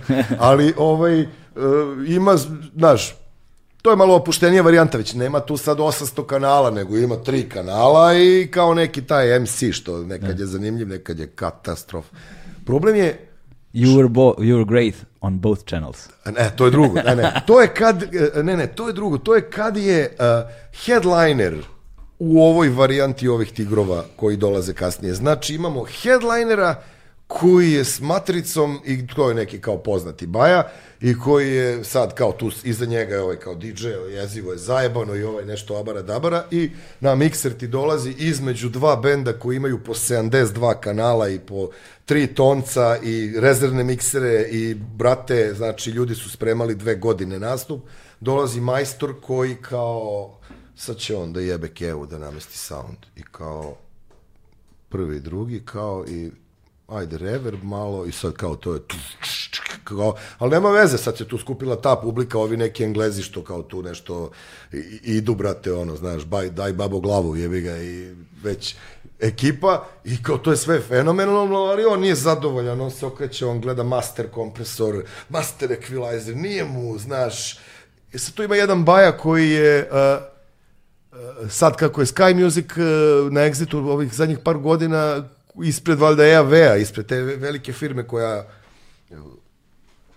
za razglas koji tu kontroliše kao sve Amer, stručnjak ozbiljan, e, koji kontroliše nas, razglas i kao to su sve ozbiljne stvari, ozbiljne firme, znaš, kao, koje su radile taj exit na mainu, bez što su domaće, od Berara do do ovaj Sky Musica, do, ne znam, e, audio konstruktora Srete gore na, na, na ovome sa, Mer, sa Martinom na, na Fusionu i tako dalje. Ozbiljni, najbolji svetski razglasi, znaš, te sad priče kad oni uđu u to kao ovaj razglas je bolji, slušaj kako se čuje high, znaš, uh, te priče su već uh, vrlo slične kao priče ovih ludaka što se bave hi-fi, znaš. Da, da. A u stvari, brate, ti razglasi su toliko dobri da ti ne znaš koji je bolji, jebate, realno. E, i sad ti, znači, između, ajde da zamislimo, ne znam, nekog Portisheda i nekog jebiga, ko sad ima tu još nekih milion kanala, ajde ne znam, ono, kaži neki bend koji ima 300 kanala opet, imaš još jednog headlinera koji možda imaju više ljudi u datom momentu od ovih, kao, vole ga ljudi, ali Bajo, on ima bre, jebote, jedan vokal i ovo sve, sve polu Da, playback. ko je bio, recimo, ti prošle godine, George Clinton je bio sa 50 ljudi na bini. Eto, Znači, za, ono- zamisli kako je tom caru koji, Tri to, bubnjara, koji to primjer, mora znači. da smiksa. Da, razumeš? da, da. Koja je to koncentracija, kakvo je to znanje. E, i sad on to završava, a ovde dolazi majstor sa kao rukama u džepovima i kao otvara scenu na kojoj se diže kao čep, čep, čep, čep, kao nekih četiri kanala tu i kao jedan, kao i sad on kreće da radi. A ovaj pakuje svojih 800 kablova, 96 sprava kao čovjek, ono, opera, dve operacije na otvorenom srcu uradio dok je smiksao band. I nije nam reč rekao, ni jednog momenta. Čak se mi trudimo da mu kažemo, molim vas, siđite dole posle druge pesme, malo ste na višljoj poziciji, čini nam se da vam je malo mutniji miks, molim vas, on kaže, hvala vam puno, u pravu ste, upali ono kao merenje izme, aha, divna jedna saradnja, svi uživamo, mi učimo, mi smo tu neka vrsta konobara, on čovjek presrećan, komila tih tonaca, i imaš ovog degenerika kojem šta god ćeš da kažeš, on je u fazonu kao get out, get out, Kao, dobro, tigre, aj manji malo i daj, na, i sve vreme kao, znaš, siđi da čuješ, brate, overavaš nam razglas, zvuči sranje, znaš, kao, i to se, jebi ga, šta radiš ti nekako? Imaš tamo još jednu spravu iza njega na kojoj ti možeš to da to Burić zategne malo da ovaj ne zna, jer, brate, ako nećeš, ti mi ćemo. Ili da čačka master kompresor, da, brate. Pa da, i onda ovaj, i recimo još imaš ovog Amera koji sve to gleda i kao, brate, kao, evo ti još jedna budala. Bio je jedan ludak koji je radio Cypress Hill drugi put, isto je bio, odvaljen. On je kredom nacrto krug oko miksera da mi ne smemo da priđemo. A u to vreme, a u to vreme, to smo radili ja i Vlada Angelovski, a u to vreme je, ovaj, a mi, i, to je bio, da, da, da, to je bio još, ne znam, davno je to bilo, brate. Da. Ali, ali mnogo odvaljen, znači bukvalno radi, radi, pa kao malo krene, ono pa, znaš, sam pojača. i, Znaš, Zakljuca, znaš, brate. kao, To, to, to je sad, znaš, ti radiš malo i si kao socijalni radnik, malo si hitna pomoć, malo si kao inženjer zvuka, znaš. Je. Ali on je bezobrazan, neverovatno, znaš. I u tim situacijama ti moraš da proceniš kako će to da se završi, samo nek se završi kako treba, pa jebeš ga. E, a sa, i ovaj majstor što sam počeo pričati njemu, on je kao na kraju završio, kao, nije bio zadovoljan baš, ali kao, mama, znaš, kao momci, okej ste, kao sad, gotova je zadnja pesma, sad on već kao, znaš, I, a mi u fazonu svi dobro, važi, car, ajde, idi, bre, tere se, znaš, neće nikomu kaže doviđenja, znaš, smorio nas, mislim, idiot sa dva, da, i samo mu ovaj Amer priđe, pruži mu ruku i kaže, you got great sound, both of channels.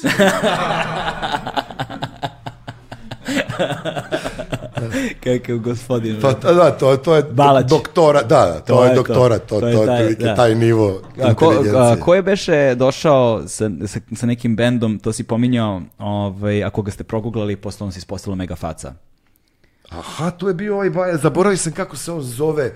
On je došao sa ovim, kako se zovu bre ovi što nisu Led Zeppelin, a vole... Greta Van Fleet. Greta Van, Van e, Fleet, tako. što zvuče kao Robert Plant. brate. Jest, tako jest, je, tako, je, da, da, da. kod Taj baja, baš smo bili ono oduševljeni, da sve smo kao gledali šta radi čovjek. Sve radi kontra nego što treba i sve je fantastično. Jedini ludi od njega je bio ovaj baja što je radio Cave-a dva put, to je, ali to je već nivo ludila koji stvarno, znaš, kao, znaš, kao nema... Koji, koji Cave, što je lud, tako i ovaj, verovatno, sa, sa da, bolumenta. znaš, Stavite me ovde, kao nemamo krov, tu bit će kiša, pljusak, kao, kao, kao kakve to veze ima s vama, kao, pa poki, pokisnuće mikser, otići sve u pizdu materinu, pa, pa kakve to veze ima s vama, to je moje, kao.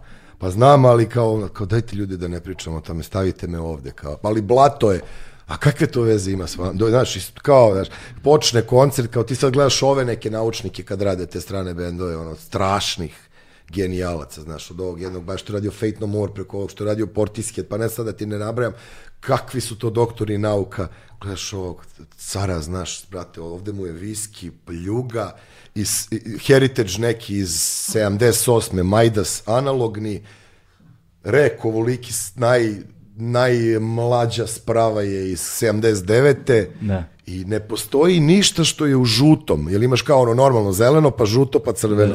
Nema ništa što je u žutom. Sve je u crvenom, ali ništa ne radi. Sve je u crvenom i samo svetli. Znači, ti kao ne znaš, i kao... I ti ga pogledaš kao je sve okej, on kao... I onda slušaš one, kao slušaš razglas, jer to je tragedija, brate mili, znači, to sve u overu, to bi trebalo da ništa ne valja. I sve je savršeno. Bubanj ne zvuči kao modern neki bubanj, ovaj, onaj, nego zvuči neki drugačiji sound, neki nenormalni, fantastičan sound bubnja, sve do kejva koji opet, znaš, sve to, puno izlazi, nema mikrofonija, a, i, i onda ti shvataš u stvari da taj sound koji se pravi naročito na Grindermanu, jeli, koji je bio još luđi, ovaj, da to sve zajedno vezano, cela taj, kao što smo pričali o produkciji Joy Division albuma, znaš, to sve zajedno pravi jednu sliku. Takva je bila slična priča i sa Gretom Van Fleet. Ti više ne znaš da li si želeo da dođeš na, kao što znaš kad dođeš na Phil Collinsa ili na Gabriela ili na Rammstein, ti znaš, Bajo, da ćeš da dobiješ zvuk od 3 milijarde eura Da. odma i kao da ćeš da pričaš posle toga godinu onda, ju bože, bio sam kao ono je najkvalitetniji zvuk koji sam čuo. Da, Ma meni jok. su, meni su definitivno, ako gledam uh, Phil Collins, taj Farewell tour njegov i Rammstein nekoliko godina kasnije u Budimpešti, mislim da su to ono dva sounda koji mi se nisu Tako ponovili je. u životu. A ovo je sve kontra. Da. Ovo je, ti ni ne znaš da li je bio, sličan je bio Sonic Youth u Beogradu na Ratnom ostrovu. Mhm. Mislim, ako se neko seća. Ti, Na ovom uh, Eho festivalu. Eho da. Eho Ja se sećam, to, je- to je... Kako je To je neka bilo? kiša, blato je neko Da, bilo, da, Bože, smo, sačuvaj, tu smo sećam bili se. Brusić i ja na mikseru kad je Sonic Youth, pa dan je ponovljen, sutra je bilo, bilo strašno blato, pa je jedan dan... Da, da. I Tamo sam ja gledao neke neviđene. David, Matthew- David, Matthew- David Byrne je bio tamo, Matthew Morčiba, Herbert, da. Morčiba, David Byrne, uh, Sonic Youth, Tako što je je. tu bilo. E, Jak festival. Sećam se kad su ovaj šta je tu bilo, kako se zvao onaj Teenage Riot ili onaj Aha, kraj, a- ili šta je kad su svirali sećam se da je došao Atari Teenage Riot. E, kad je bio, došao je Miki Ristić na, ne ne, pričamo pesmi kad su Sonic Aha, Youth aha, svirali a, Sonic Youth, aha. i, ovaj, i kad ulaze u onaj deo kad, kad, kad Tursten ono svira s palicom, kad ovaj nešto drnda, kad, kad, kad svi ulaze u onaj neki nivo koji nikad nisu uspeli da dostignu Svonse, ovo što ja sad s mojim bendom pokušavam neki put kao pa, znaš, kao ajde da se igramo Svonsi za siromašne, da probamo. Izvini sekund što te prekidam. Moram da se ispravim van Phil Collins. Najbolji Su- koncert su Svonsi, tako je, u domu omladine, tako je. Najbolji koncert na svetu, tačka. Tačka, tačka, da. tačka, da. E, ovaj... I sećam se kao u tom momentu do, dođe Miki Ristić, a Darkudi su svirali, ja mislim, da li to veče, da li prethodno, ne znam, i dođe Miki Ristić kod nas na, fon, na front of house, što ti kao kaže, šta je, na mikser, i kaže, i ovako kaže, jebi ga, sada sleti svemirski brod ovde sa strane, ja bih rekao, pa dobro, svemirski brod. Znaš, jer ovo, je- ovo je stvar, znaš, kao stvarno je neverovatno. A nije najbolji zvuk, znaš, nisu najbolji muzičari, nije ništa najbolje. A sve zajedno nema bolje. Znaš. Tako da, su to dve škole, kao pa sad izabereš šta voliš, a možeš da voliš jedno i drugo. Mislim. E sada, pored samog zvuka, ono, i sa svime što se dešava u kon, kon- konkretno to, ono, front of house, backstage, znaš, na mikseru, uh, na probama, ovaj, tom, i o tome smo pričali isto, što je meni bilo fascinantno kod gomile metalaca, kada sam recimo, kada su Behemoth, kada su Behemoti svirali na, na, na eksplozivu, ili kako se tad zvao, Metal Hammer, ili šta već, Dakle, ono, poljski metalci dolaze i sada ja dolazim sa drugarom koji je die hard fan, koji je uhvatio trzalicu, by the way, pozdrav za ekipu iz Banja Luke, koji je uhvatio trzalicu, vrate, na koncertu. Ovaj, I mi dolazimo na tonsku probu, znaš, da čujemo, da čujemo kako, da ih vidimo, kao sve. To je bilo, ono, to je već bilo vreme kada je tehnologija toliko napredovala da od da bendovi više nisu izgledali na tonske probe, nego ono, kao imaju nekog lika ili nekoliko ljudi koji im odrade ceo soundcheck, oni dolaze samo ono, maskirani da sviraju. Kad imaju in-ear, to je lakše. Kad imaju in-ear monitoring, onda im je sejvovan ceo monitoring svako u slušalicima na sebe, on ima digitalni mikser napolju i jako je važno da uradi sve linije, da sve Da. funkcioniše i da zna koji je razglas i pošto više ne koristi monitore od tog razglasa, nego svako ima svoje slušalice, onda su sigurni da će čuti isto što i na prošlom koncertu ako su sejvovali. Pa da, to. E, I onda dolazi lik da testira. Jedan lik je prošao sve instrumente i sve mikrofone. Brate, mi smo stajali, bili u fazonu. Mi nemamo ovakvog muzičara u Srbiji, kao, znaš, on lika koji njima tonac na Ma turneji, imamo, znaš, nije, taj, daš, nije, može, to, to treba da viš, ne znam, imamo neko, kad imaš tako, imaš i sad, bilo je, bilo je lepi, znaš, i ovde si to mogo da vidiš, mogu si viš, ne znam, na, na Darkwoodima, kad gleda- možeš gledaš sad na Bajagi, kad e, je tonska proba, kad Danilo proba sve, mislim, znaš, sad kao ljud ovim bojki imaš desetoricu tu nekih prolaznika koji ostanu Znaš, ili kad kića proba, znaš, pošto su ljudi otišli da odmore, znaš šta će da rade, znaš, Da. zoveš ih na 10 minuta da, na, ja najviše volim kad radim bajagu, kad ostanem sa kićom i sa Danilom na bini, znaš. I kao, Čeda se mrštio jedno vreme za bubanj, kao daj, nemoj da mi ovo. Ono, međutim, i on je popustio. Ljudi naprave sve, ben ne mora da, da izađe. Stvarno ne, i ne znam da li se ikad desilo da, da, nešto nije, da nešto nije funkcionisalo. Ali to je stvar koliko si puta nešto ponovio, koliko si dobro napravio raspored svega i cela disciplina, mislim. A ko beše bira likove od vozača kamiona sa tura? To je Barton biro na Prodigy. Da, da, da, da kaže. prvom koncertu, aj ti kaži one, one, one, one, one. E, ti kao od sad ostali na, kao ti ideš na onaj top, na onaj reflektor, ovi što voze kamione imaju kao duplo zaduženje, a ti bajo, ti mi probaš mikrofone na svakoj koncertu, imaćeš još ne znam, 100 dolara preko, je. ajmo, idemo prvi. je. Malo zivo To kamion, radi, malo one, to, da, to radi sa svakim bendom na početku, na prvom koncertu svake turneje. Svi kamionđije mu prođu mikrofon i ovaj što ima najbolji kao signal, e, ti si. On kao, i ja? Da, da, da. Ovaj, e sada, pored svega toga... Nemoj ženo da me zoveš, sad radim tonsku, znaš, kao ovako, ako očekuje, on vozi. Ne mogu sad pričati. Jedan, jedan. ovaj, a, I na, na turnejama se dešava svašta. I možda je ovo sad dobro mesto da pričamo anegdote sa, sa brojnih turneja. Pa ne znam šta smemo, otko znam, mislim, moram da, da vodim računa, to su ipak... Ovaj, to, su, to, su delika, to su delikatne stvari. Ovaj, um, na, zapisao sam jednu stvar, a to je da, da, da iskustva sa ATA karnetima. To je spektakl, to je genijalno. Sad, e, sad ljudima moramo da objasnimo prvo šta je ATA karnet. Ata Karnet je uh, pasoš za tehničku opremu jednog benda ili jednog razglasa ili nekog događaja koji podrazumeva da ima neku tehničku opremu, svetlo, zvuk, bla, svetlo i zvuk, bla, bla, bla. Da. I između oslog mi kad snimamo preko granice moramo da imamo Jeste. kamere, objektive, Tako tako je. je. za sve. u principu kao ne podležu laptopovi, telefoni, mobilni, te neke sitnice koje se tolerišu kao lična svojina, s- tehnička, a sve ostalo bi trebalo da ima. I sa problemom kod tog ataka, i on se izvadi jednom godišnje, popiše se, svi članovi benda napišu šta imaju, ti imaš tu gitaru, imam tu, to pojačalo, šta ti hoćeš da nosiš, odeš, to overiš, sve lepo, malo me ove sluške pritiskaju, imaš svoj dokument i onda dobijaš talone koji su kao izlazni, pa onda ulazni u zemlju tranzita. Izlazni iz zemlje tranzita, evo kao idemo za Sloveniju. Izlazni iz Srbije, ulazni u Hrvatsku, izlazni iz Hrvatske, Hrvatska je tranzit, ulaz u Sloveniju i rikverc nazad. Znači, Dobiješ osam nekih talona, gde oni to ljudi uredno kao popune, udare pečat, nekad pogledaju, nekad pogledaju spisak, sve je to okej, neki su vrlo profesionalni i tako bendovi putuju na koncerte.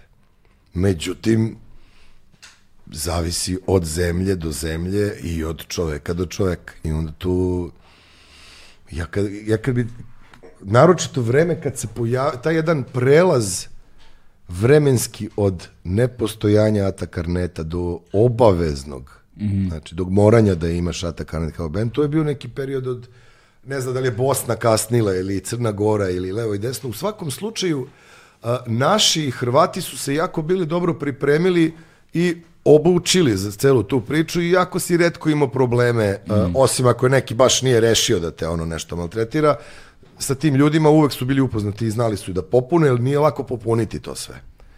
Ali si imao i, i, i puno slučaja. Ima jedan uh, prvi koji je, kad, ja sam prvi put video Ata Karnet kada je Let 3 svirao u Skoplju.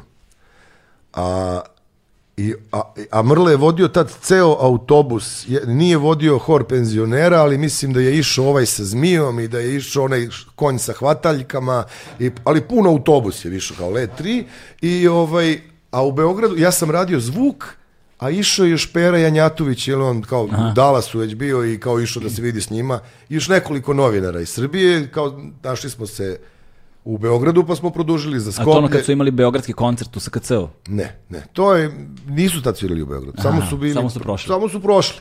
I ja sam išao s njima da ih radim u Skoplje i bio je fantastičan koncert i Prlja kad su išli tamo, Prlja je bio zadužen za Takarnet, kao izašao ko- kod našeg carinika, sve super urađeno, Srbija je bila tranzit, jel?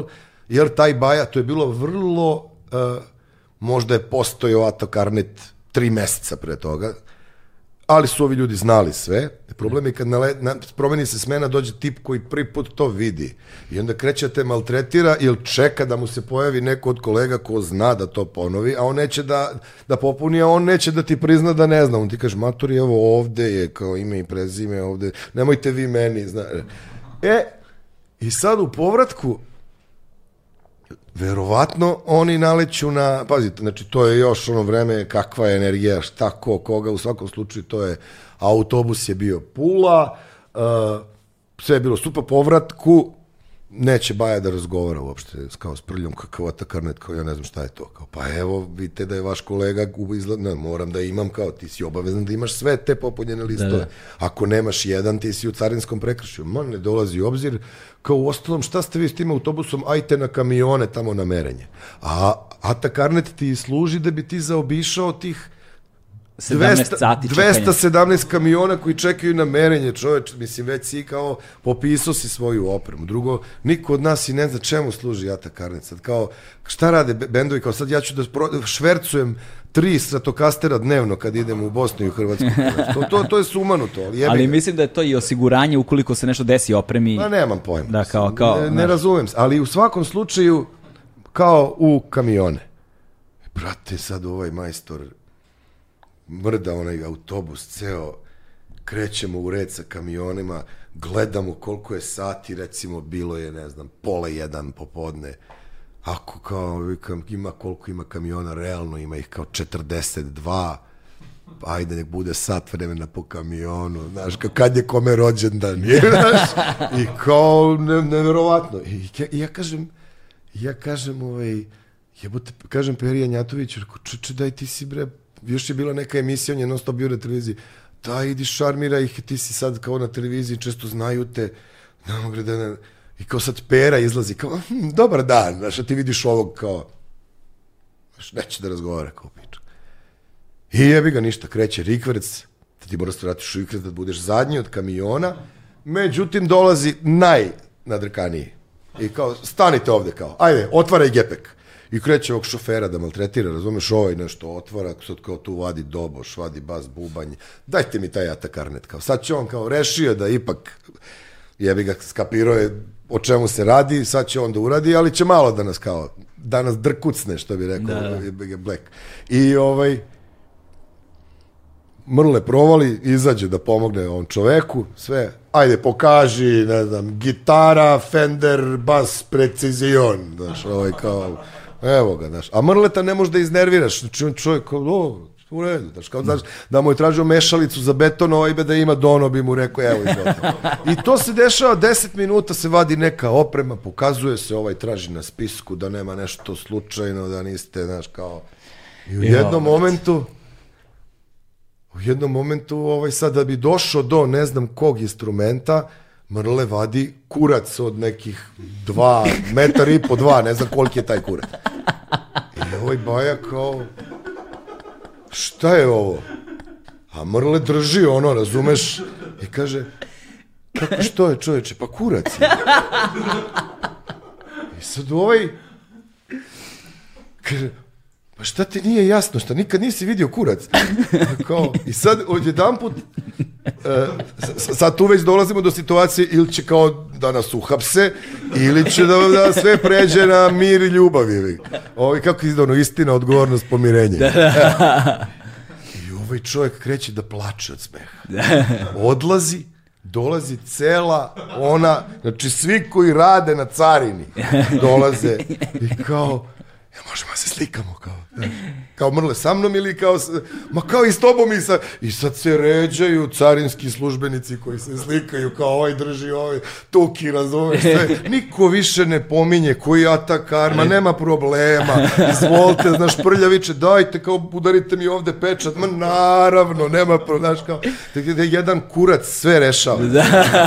I on je to, to je bio presudni moment, znaš, kad je on shvatio da treba češće još da se to upotrebljava u njihovoj toj... Da, da, da, da, da, nose, da nose sa sobom sve od rekvizita što mogu. Još Da. da, još da su ono, još da su na carini dok, su se fotkali, uzeli ružicu.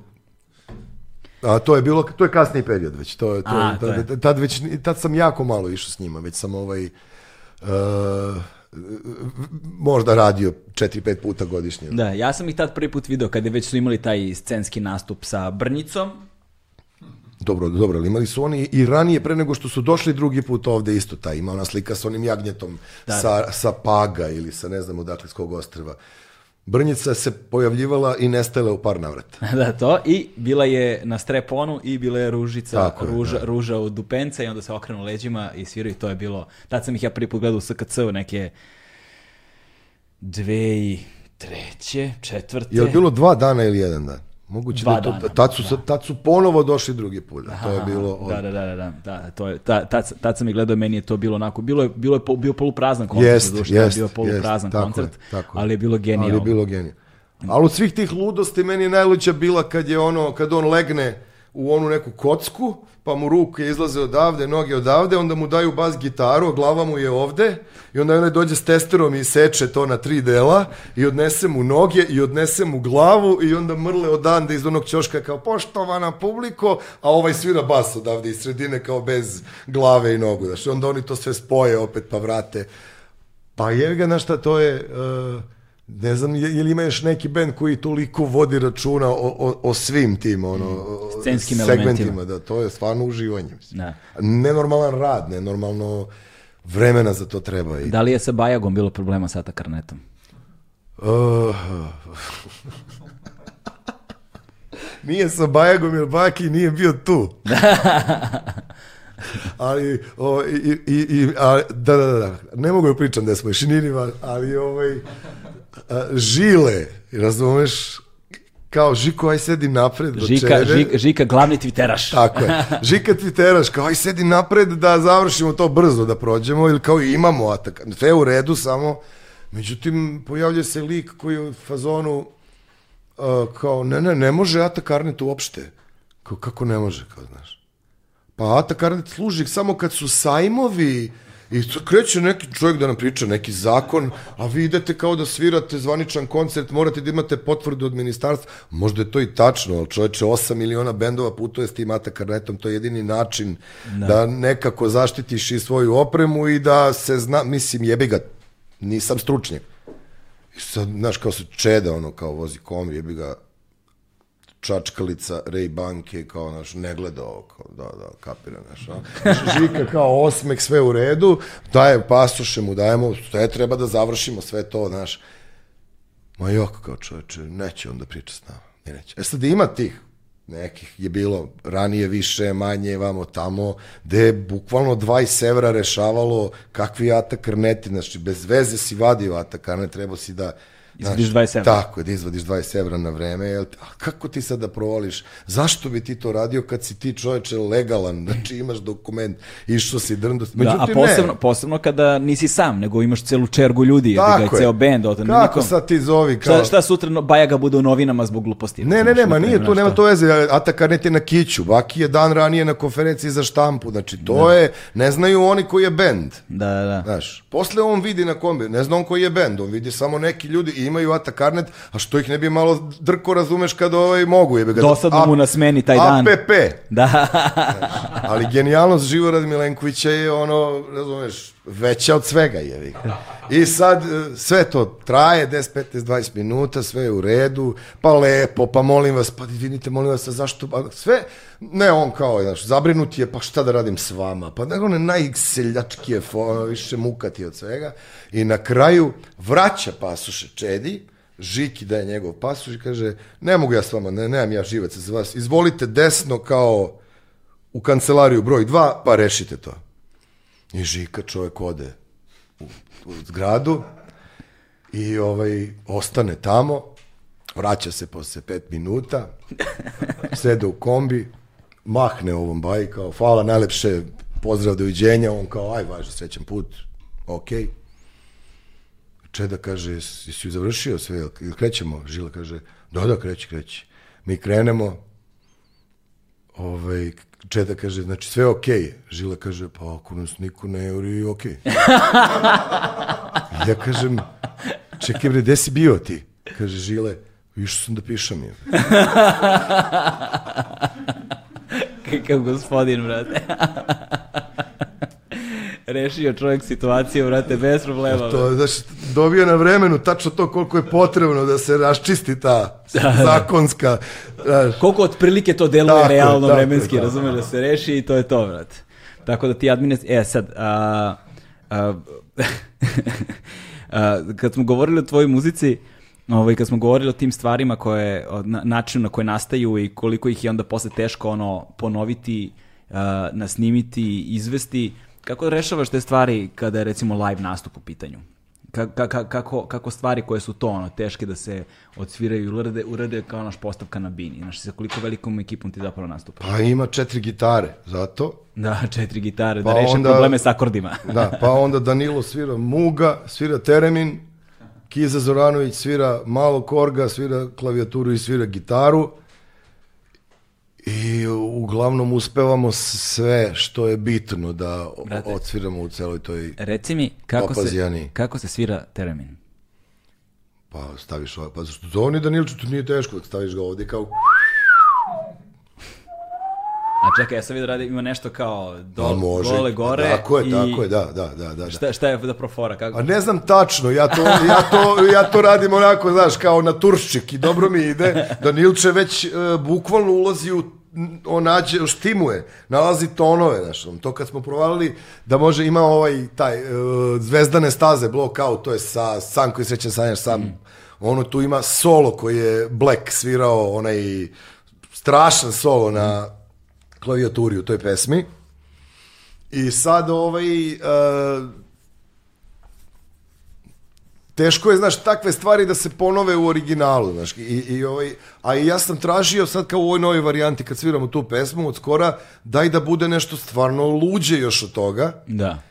I kao sad, kao Kiza Zoranović svira taj solo, ali Danilče to isto svira na tereminu. I bukvalno je došao dotle da je skoro u notama na svakoj. To izgleda kao, znaš, neverovatno, uh, možda i bolje izgleda nego što zvuči, ali, ali kad spojiš te dve stvari, to je, to je stvarno onako kao, znaš, uh, odlič, odlično. Imaš, ali imaš na live-u i dva seta bubnjeva.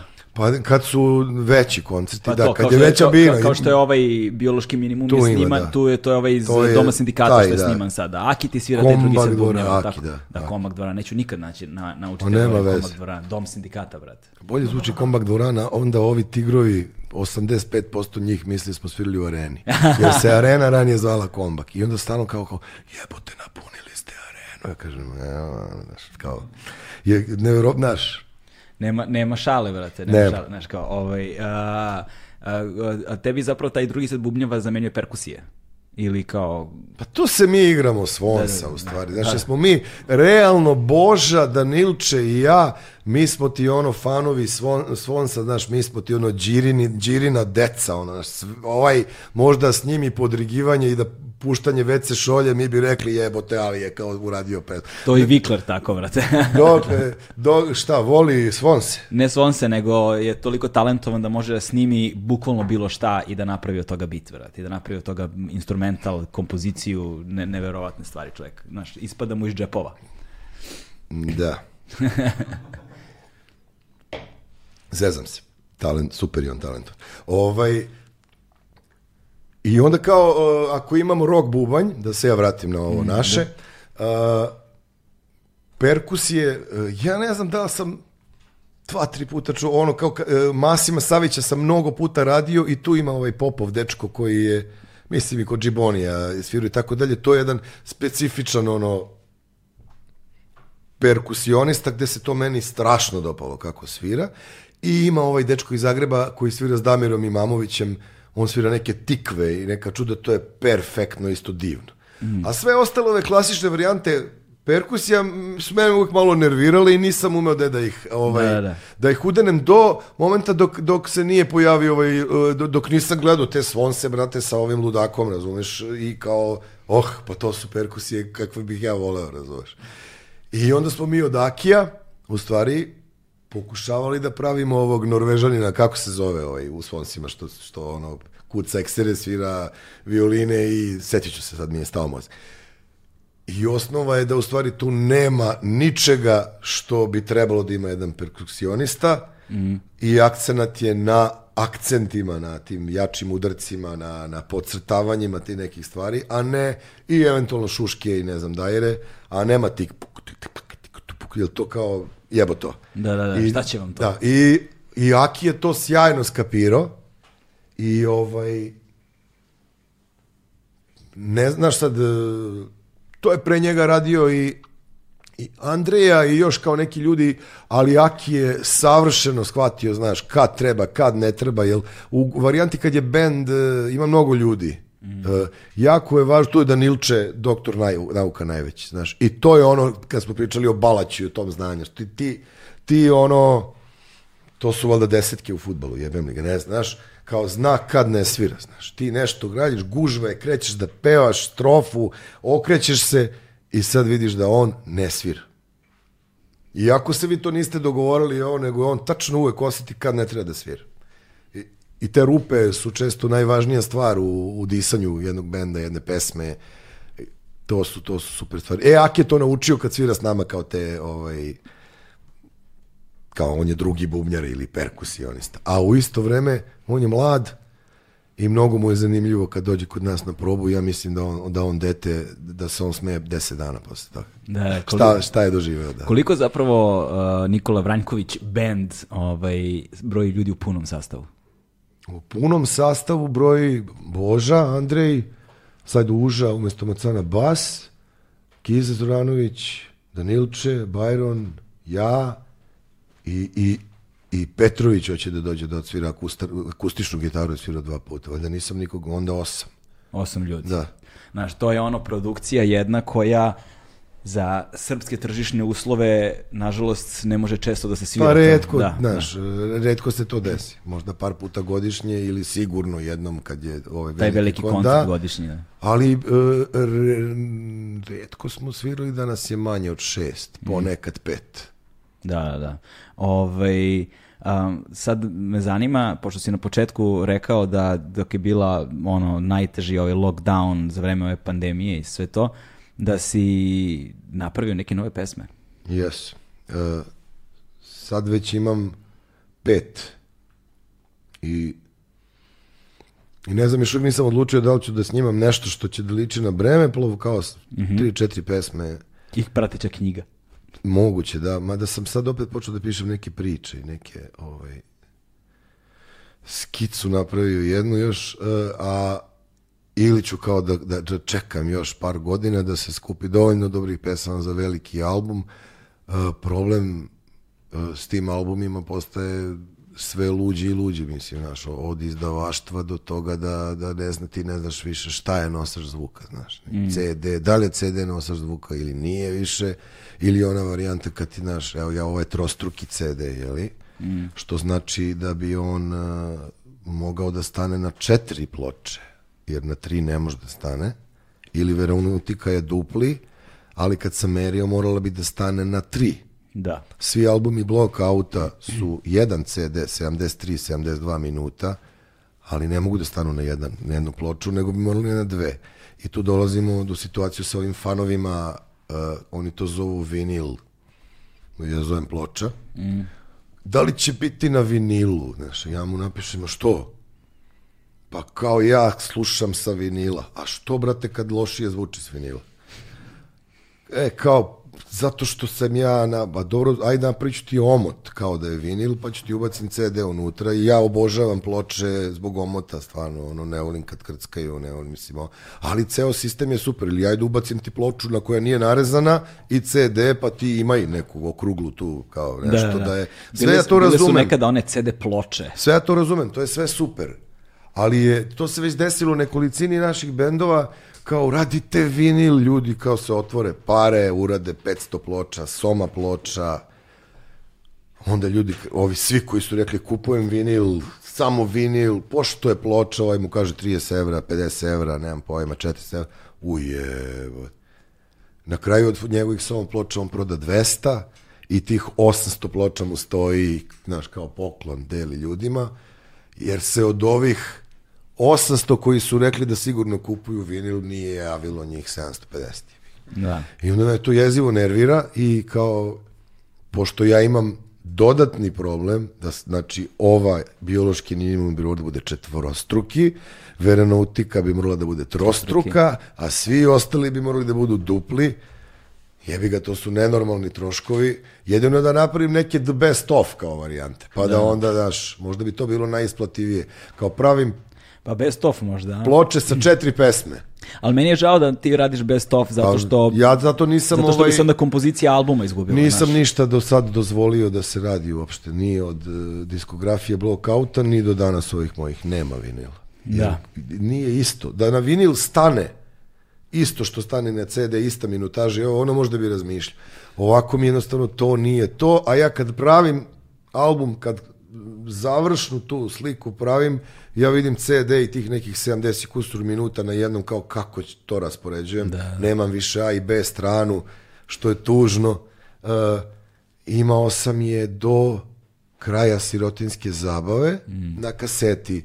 To je posljednja varijanta kad je bio znači e, CD i bila je kaseta na kojoj su bile dve pesme bonus, onda si kao imaju svoju A stranu i B stranu, jer ta pesma koja otvara B stranu, možda je to specifičnost ploče najveća, ploča koja otvara B stranu, e, pesma koja otvara B stranu, to je kao ranije, kad sam bio baš klinac, Ili bez strana kasete. da, kao prvo uvijek pustim B stranu. Ma, za jepika. Znaš, zna šta će bude, nego da vidimo mi naš B.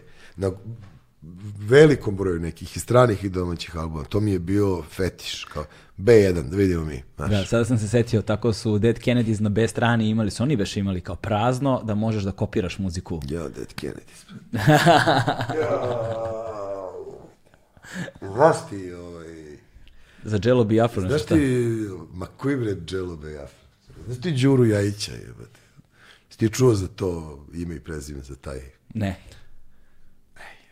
Đuro Jajić je uh, kombista, mislim, koji je vozio Kelte i Darkwoode Aha. i Blockout 10-15 godina. Da jebote, ti si sa Keltima Danas, 100 godina, da, čoveč. da, danas vozi uh, Breakerse isključivo i riblju čorbu. Dobro, znači, Kao, na- o, ok, otišao- opra- opravdano ne poznajem čoveka, pošto stvarno ne znam ni jednog kombistu, brate. Znaš. Ne, ne, ne, Đuka je posebno, to je posebna priča. To on je veći mainstream od svih ovih koje vozi. Šta, Marel, ti E, znaš ali nije, ovaj, a vozi dosta i ove festivale i za Dom omladine i tako je. Ne znam gde su bili Kennedy, su bili u Skrcu, taj neki predzadnji. Zadnji put je nešto bilo bez veze na nekim bazenima, pre toga je bio Dead Kennedys, e jebi ga, ne znam, da li, mislim da je u Skrcu bilo, u svakom slučaju, sletalo se u Budimpeštu nekim nekim ovim uh, avionom, pa je on njih vozio za Beograd. Ne znam da li nije radio aerodrom ili ne su bile sankcije neke. Ne mogu ušte da se setim šta je to bilo, nije ni važno. Đuka koji ne zna ni jednu reč engleskog ide da čeka Dead Kennedys u Budimpeštu i da ih doveze u Beograd i koji sto bendova koje, pazi, Đuro Jajić ti poznaje više svetskih zvezda nego pola producenata svetskih. I svi ga obožavaju. I išao je on tamo, pokvario mu se kombi, nije teo da upali, on je zamolio ljude da gurnu, oni su svi izašli, gurali, gurali, gurali, upalio se kombi, Đuka ih dovezao za Beograd, to je i ovima bilo simpatično, Đuka im se zahvalio, fantazija, jedna divna ljubavna priča. Prođe, ja mislim šest meseci, mi idemo sa Keltima u jebi ga, ne znam, Sombor, Sentu, ne znam, neku gore, idemo gore negde, I još Đuka nije kupio drugi kombi, osjeća se malo onaj neki dizel, brate, na zadnjem sedištu, ono, znaš, već kao Vlada Jovković, Deki Grujić, kao, alo, brate, ne možemo da dišemo, znaš, ono, tenzija je u vazduhu, znaš, a Celtic, on sluša, sluša neki bre, glupi band, stalno neki Rhapsody se zvao, neki heavy metal italijani. I onda stavi to u uši, neće priča s nama kao mi slušamo kao bez veze, nego on sluša i samo čuješ nešto kao iz, onako cijuče iz zvučnika i on nije u kombi, on je tu, ali on nije tu kao, znaš. I sad, opet smo stali na pumpu i sipao je on gorivo i sve treba da nastavimo, što kaže Sale, smem, šta je sad, neće da upali. Neće. I probaj, probaj, probaj, neće da upali.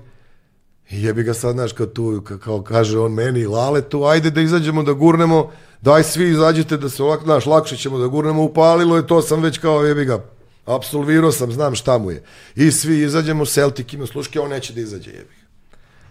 I sad Đuka mu kaže, acu, daj, izađi da gurnemo kombi, da upalimo, pa svrati ovo, on kao, ja neću da guram kombi, ko te jebe, rekao sam ti sto puta, mislim, kupi kombi, kao šta sad, šta ti to liči, zajebavaš nas ovde, ne, ne, pada mi napamet, znaš. Kaže, izađi, acu, da malo poguramo. Aca kaže, ma jo, bre, neću. A Đuka onako za svoju dušu onako gleda kaže a guro ga, get that Kennedy, guraćeš ga i ti. Samo da pronađe način kako da ga privoli. brate. Ovaj, I za kraj a, sam ovde zapisao, dakle, a, jesam, jesam li dobro zapisao e, objašnjenje reči raznaj i raznij, ne znam šta je to. zrenjaninski izraz. Šta je to? Šta, je to- šta, to, što se mi... Ne, ne, ne, ne, ne, to, ovaj, možemo ovo da katujemo, to je nešto drugo što sam ti ja, ovo moramo da sečemo. A, dobro, dobro. Zato što dobro. je to nešto u poruci na kraju što sam, ovaj, Aha, aha, aha. Dobro, dobro, dobro, dobro, nema veze. Ovaj, u svakom slučaju, da vidim samo, ajde, moram. pa sad da li sam ja to dobro zapisao? Da čekaj da vidim. Samo se, možda će ovde bolje da bude gde si mi ti. Vrlo je moguće sam ti nešto drugo napisao, pa sam se ja zajebao u kucanju, prosto, više, ono, koliko smo... Uzrečica raznij. Ne, ne, to sam ti rekao raznih H, pa nije ovo. A. To sam ti viš, počet... Aha, pa sam ti pričao o Krčedinu, o ovim ludacima u Krčedinu, jebote, da, da, u raznih H. Ne. A Zrenjanin, Zrenjanin, mislim, to možemo dve, tri rečenice i ne moramo. Kako- Dobro, kako dobro, hoćeš. dobro, dobro, dobro, dobro. Ništa, ajde sad da polako završavamo. Da sam skojeno. Da polako privodimo razgovor kraju. Zanima me samo, sve, sve si ispričao u vezi sa vinilima i u vezi sa ovim stvarima, ali e, na kraju opet e, nismo rekli e, pet pesama imaš negde kao smišljenih ili gotovih, jesi ih nasnimio ili... Nisam, demo snimke sam završio i kao sad dalje nešto pravim pa ću da vidim. Vrlo je moguće da ću tokom leta nešto da snimam. A, I volio bi da do kraja godine jednu završim kao taj Kompletno. nužno zlo da ima i spot i, i, i single i da tako krenem u neki a možda je bilo bolje da bude opet album. Trajeće duže, trajeće par godina dok ja sve to ono, skockam, skupim, dok budem zadovoljan, ali na kraju tako, s vremena na vreme ja izbacim po neku pesmu, pa onda kad se skupi dovoljno, onda ću kao da nisam sad razmišljao o tome, zato što sve što kažem, e, znaš, prošle godine smo radili ovo, ono, onda ja u stvari shvatim da je to pretprošle. Da. I nikako ne mogu da, da se, e, ovo sam radio prošle, tih par stvari. I ovaj, radit ću, snimat ću, ali ja, ja sam stvarno, uh, a nisam ni optimista, ni pesimista, ali voleo bi da negde od septembra, oktobra i sve da, i, i dalje sve bude normalno, znaš. i- da. A nisam siguran. I onda, Jesu, ovaj, jesu, jesu najavljeni neki nastupi ili nešto, vidim da se polako svi ono gledaju pasulju, šolju, uh, znaš, ono... Jeste, mnogo mo- bendova ima dosta termina. Da. Potvrđenih ili u najavi. Sve to stoji i kao čekaju. Prvi je taj Arsenal Mm. koji kao treba da probije sve. U stvari, eh, ja ne znam kad se ovo emituje, ali mi sviramo 19. u festu. To nam je prvi, ovaj, u stvari dva dana ranije radim bolesnu štenad na onom, na Zapa bar. To će mi biti kao Otvaranje sezone, otvaranje najzad sezone, jedva čekam, znaš, da, da, stvarno. Da, to ti je ono, sad ćeš da se, da se mrdneš malo iz Renjanina i da ono, kreneš. Pa sad ću već da idem tamo vamo, tamo vamo, tamo vamo, tako. Da. Ovaj, a tebi je zakazana prva svirka u Festu. festu, pa posle toga Arsenal u petak i onda znam da imamo Smederevsku palanku sledeću nedelju. I imam sa Bajagom već 3, 4, 5 termina tih nekih koji se su oko ovih termina koje ja sviram i posle za dalje ima svašta, ali nešto nije potvrđeno, nešto jeste, pa sad se to dogovara. Ovaj, koliko ti, kad, znaš, sa svim tim ljudima sa kojima radiš i posebno ako uključimo sve to rad sa tonom i na festivalima i sa, na koncertima i na turnejama sa bendovima i plus bendovi sa kojima sviraš, plus tvoj autorski ono, naš projekat, koli- koliko ti dana godišnje provedeš na turneji ili na koncertima, ako ne računamo sad ovu celu situaciju? Pa znaš šta, nekada, ranije dok smo recimo radili e, puno koncerta u Skrcu za, e, za firme i tako dalje, onda ne možeš taj dan radnik koji ti radiš koncert u Domu mladine u Skrcu ili negde da pod, podvedeš pod da si ti na nekoj turneji ili da si negde na putu jer si u tom gradu odakle si ideš na posao i vraćaš se uveče bez obzira što si potrošio ceo dan na to. Ali nekada se dešavalo da bude više od 100-150 dana. Baš je bilo par godina ko to, to, je, to je baš lud. Ili ako se, ne znam, kad se potrefi to, e, kad sam, ne znam, išao s, negde, s Rundekom neke turneje ili s Masimom, velika neka turneja Hrvatska, ili s Bajagom, Amerika, Australija, znaš, što je već ono uzelo par nedelja, pa na to kad računaš ne, sve druge stvari koje radiš, bude puno. Da, da. Jer ti kad si na turneji ne moraš svaki dan da radiš, ali ti si Da, to je sad... je- radio svaki treći, četvrti, ti si na putu. to je poseban mindset, ono, i setupovano sve Jeste. na, na ono gomilu ortaka u kombiju. Pa ili u kombiju, ili u avionu, Avionu. ili u ne znam gde, ali ovaj, jako važno da budu ljudi, eh, da imaju obzira, da imaju iskustva, I da se tuširaju redovno. pa i to je, to je jako važno. Da. To je jako važno. Ja kao gledam koliko sam vremena proveo čoveče sa Keltima, sa Darkpudima, sa Bajaginima u kombiju, pa evo te pola života, mislim, znaš. I e, ne bi ih menjao, znaš, kao stvarno ono, nikog od njih, to je veliko iskustvo, veliko uživanje, sto nekih situacija i tako dalje, ali slično bi sve opet. Da. E, hvala ti puno ovaj, na tome što si ostao još jedan dan duže. Ti si zapravo juče imao probu, I Da. snimao A si dobro, nešto. šta, pa I nije. snimao si nešto što ne znam da li možemo da pomenemo uopšte ili A ne. možemo, šta ne. A, pa ne znam da li ljudi to čuvaju kao tajnu. Ja ne nemam moje. pojma. Ja, E, vidiš. da- e, pa to, brate, ko, ko će njega da zna? jel? Da, da, da, da. Dakle, radio si sa Artanima nešto. Zapravo. Nešto da, što oni snimaju sa raznim ljudima, razne pesme kao razni autori pevaju neke, neke njihove nove pesme. A ova pesma koju sam ja radio s njima je odlična, tako da Mm. nemam problema. Tako da radujemo se i novim Artanima, svakako tvom novom albumu i hvala ti puno, kažem, što si ostao, prespavao dan duže na Voždovcu i ovaj, došao ovde kod nas. Veliko mi je zaista zadovoljstvo, velika privilegija i čast. A, ovaj, uživao smo u ovom razgovoru i nadam se da ćemo nastaviti da se družimo više na tisi nego ovde. Nema problema, hvala što si Po, me po, porodično ako ništa. Tako je. To je to, stigli smo do kraja, hvala vam puno svima. Ćao!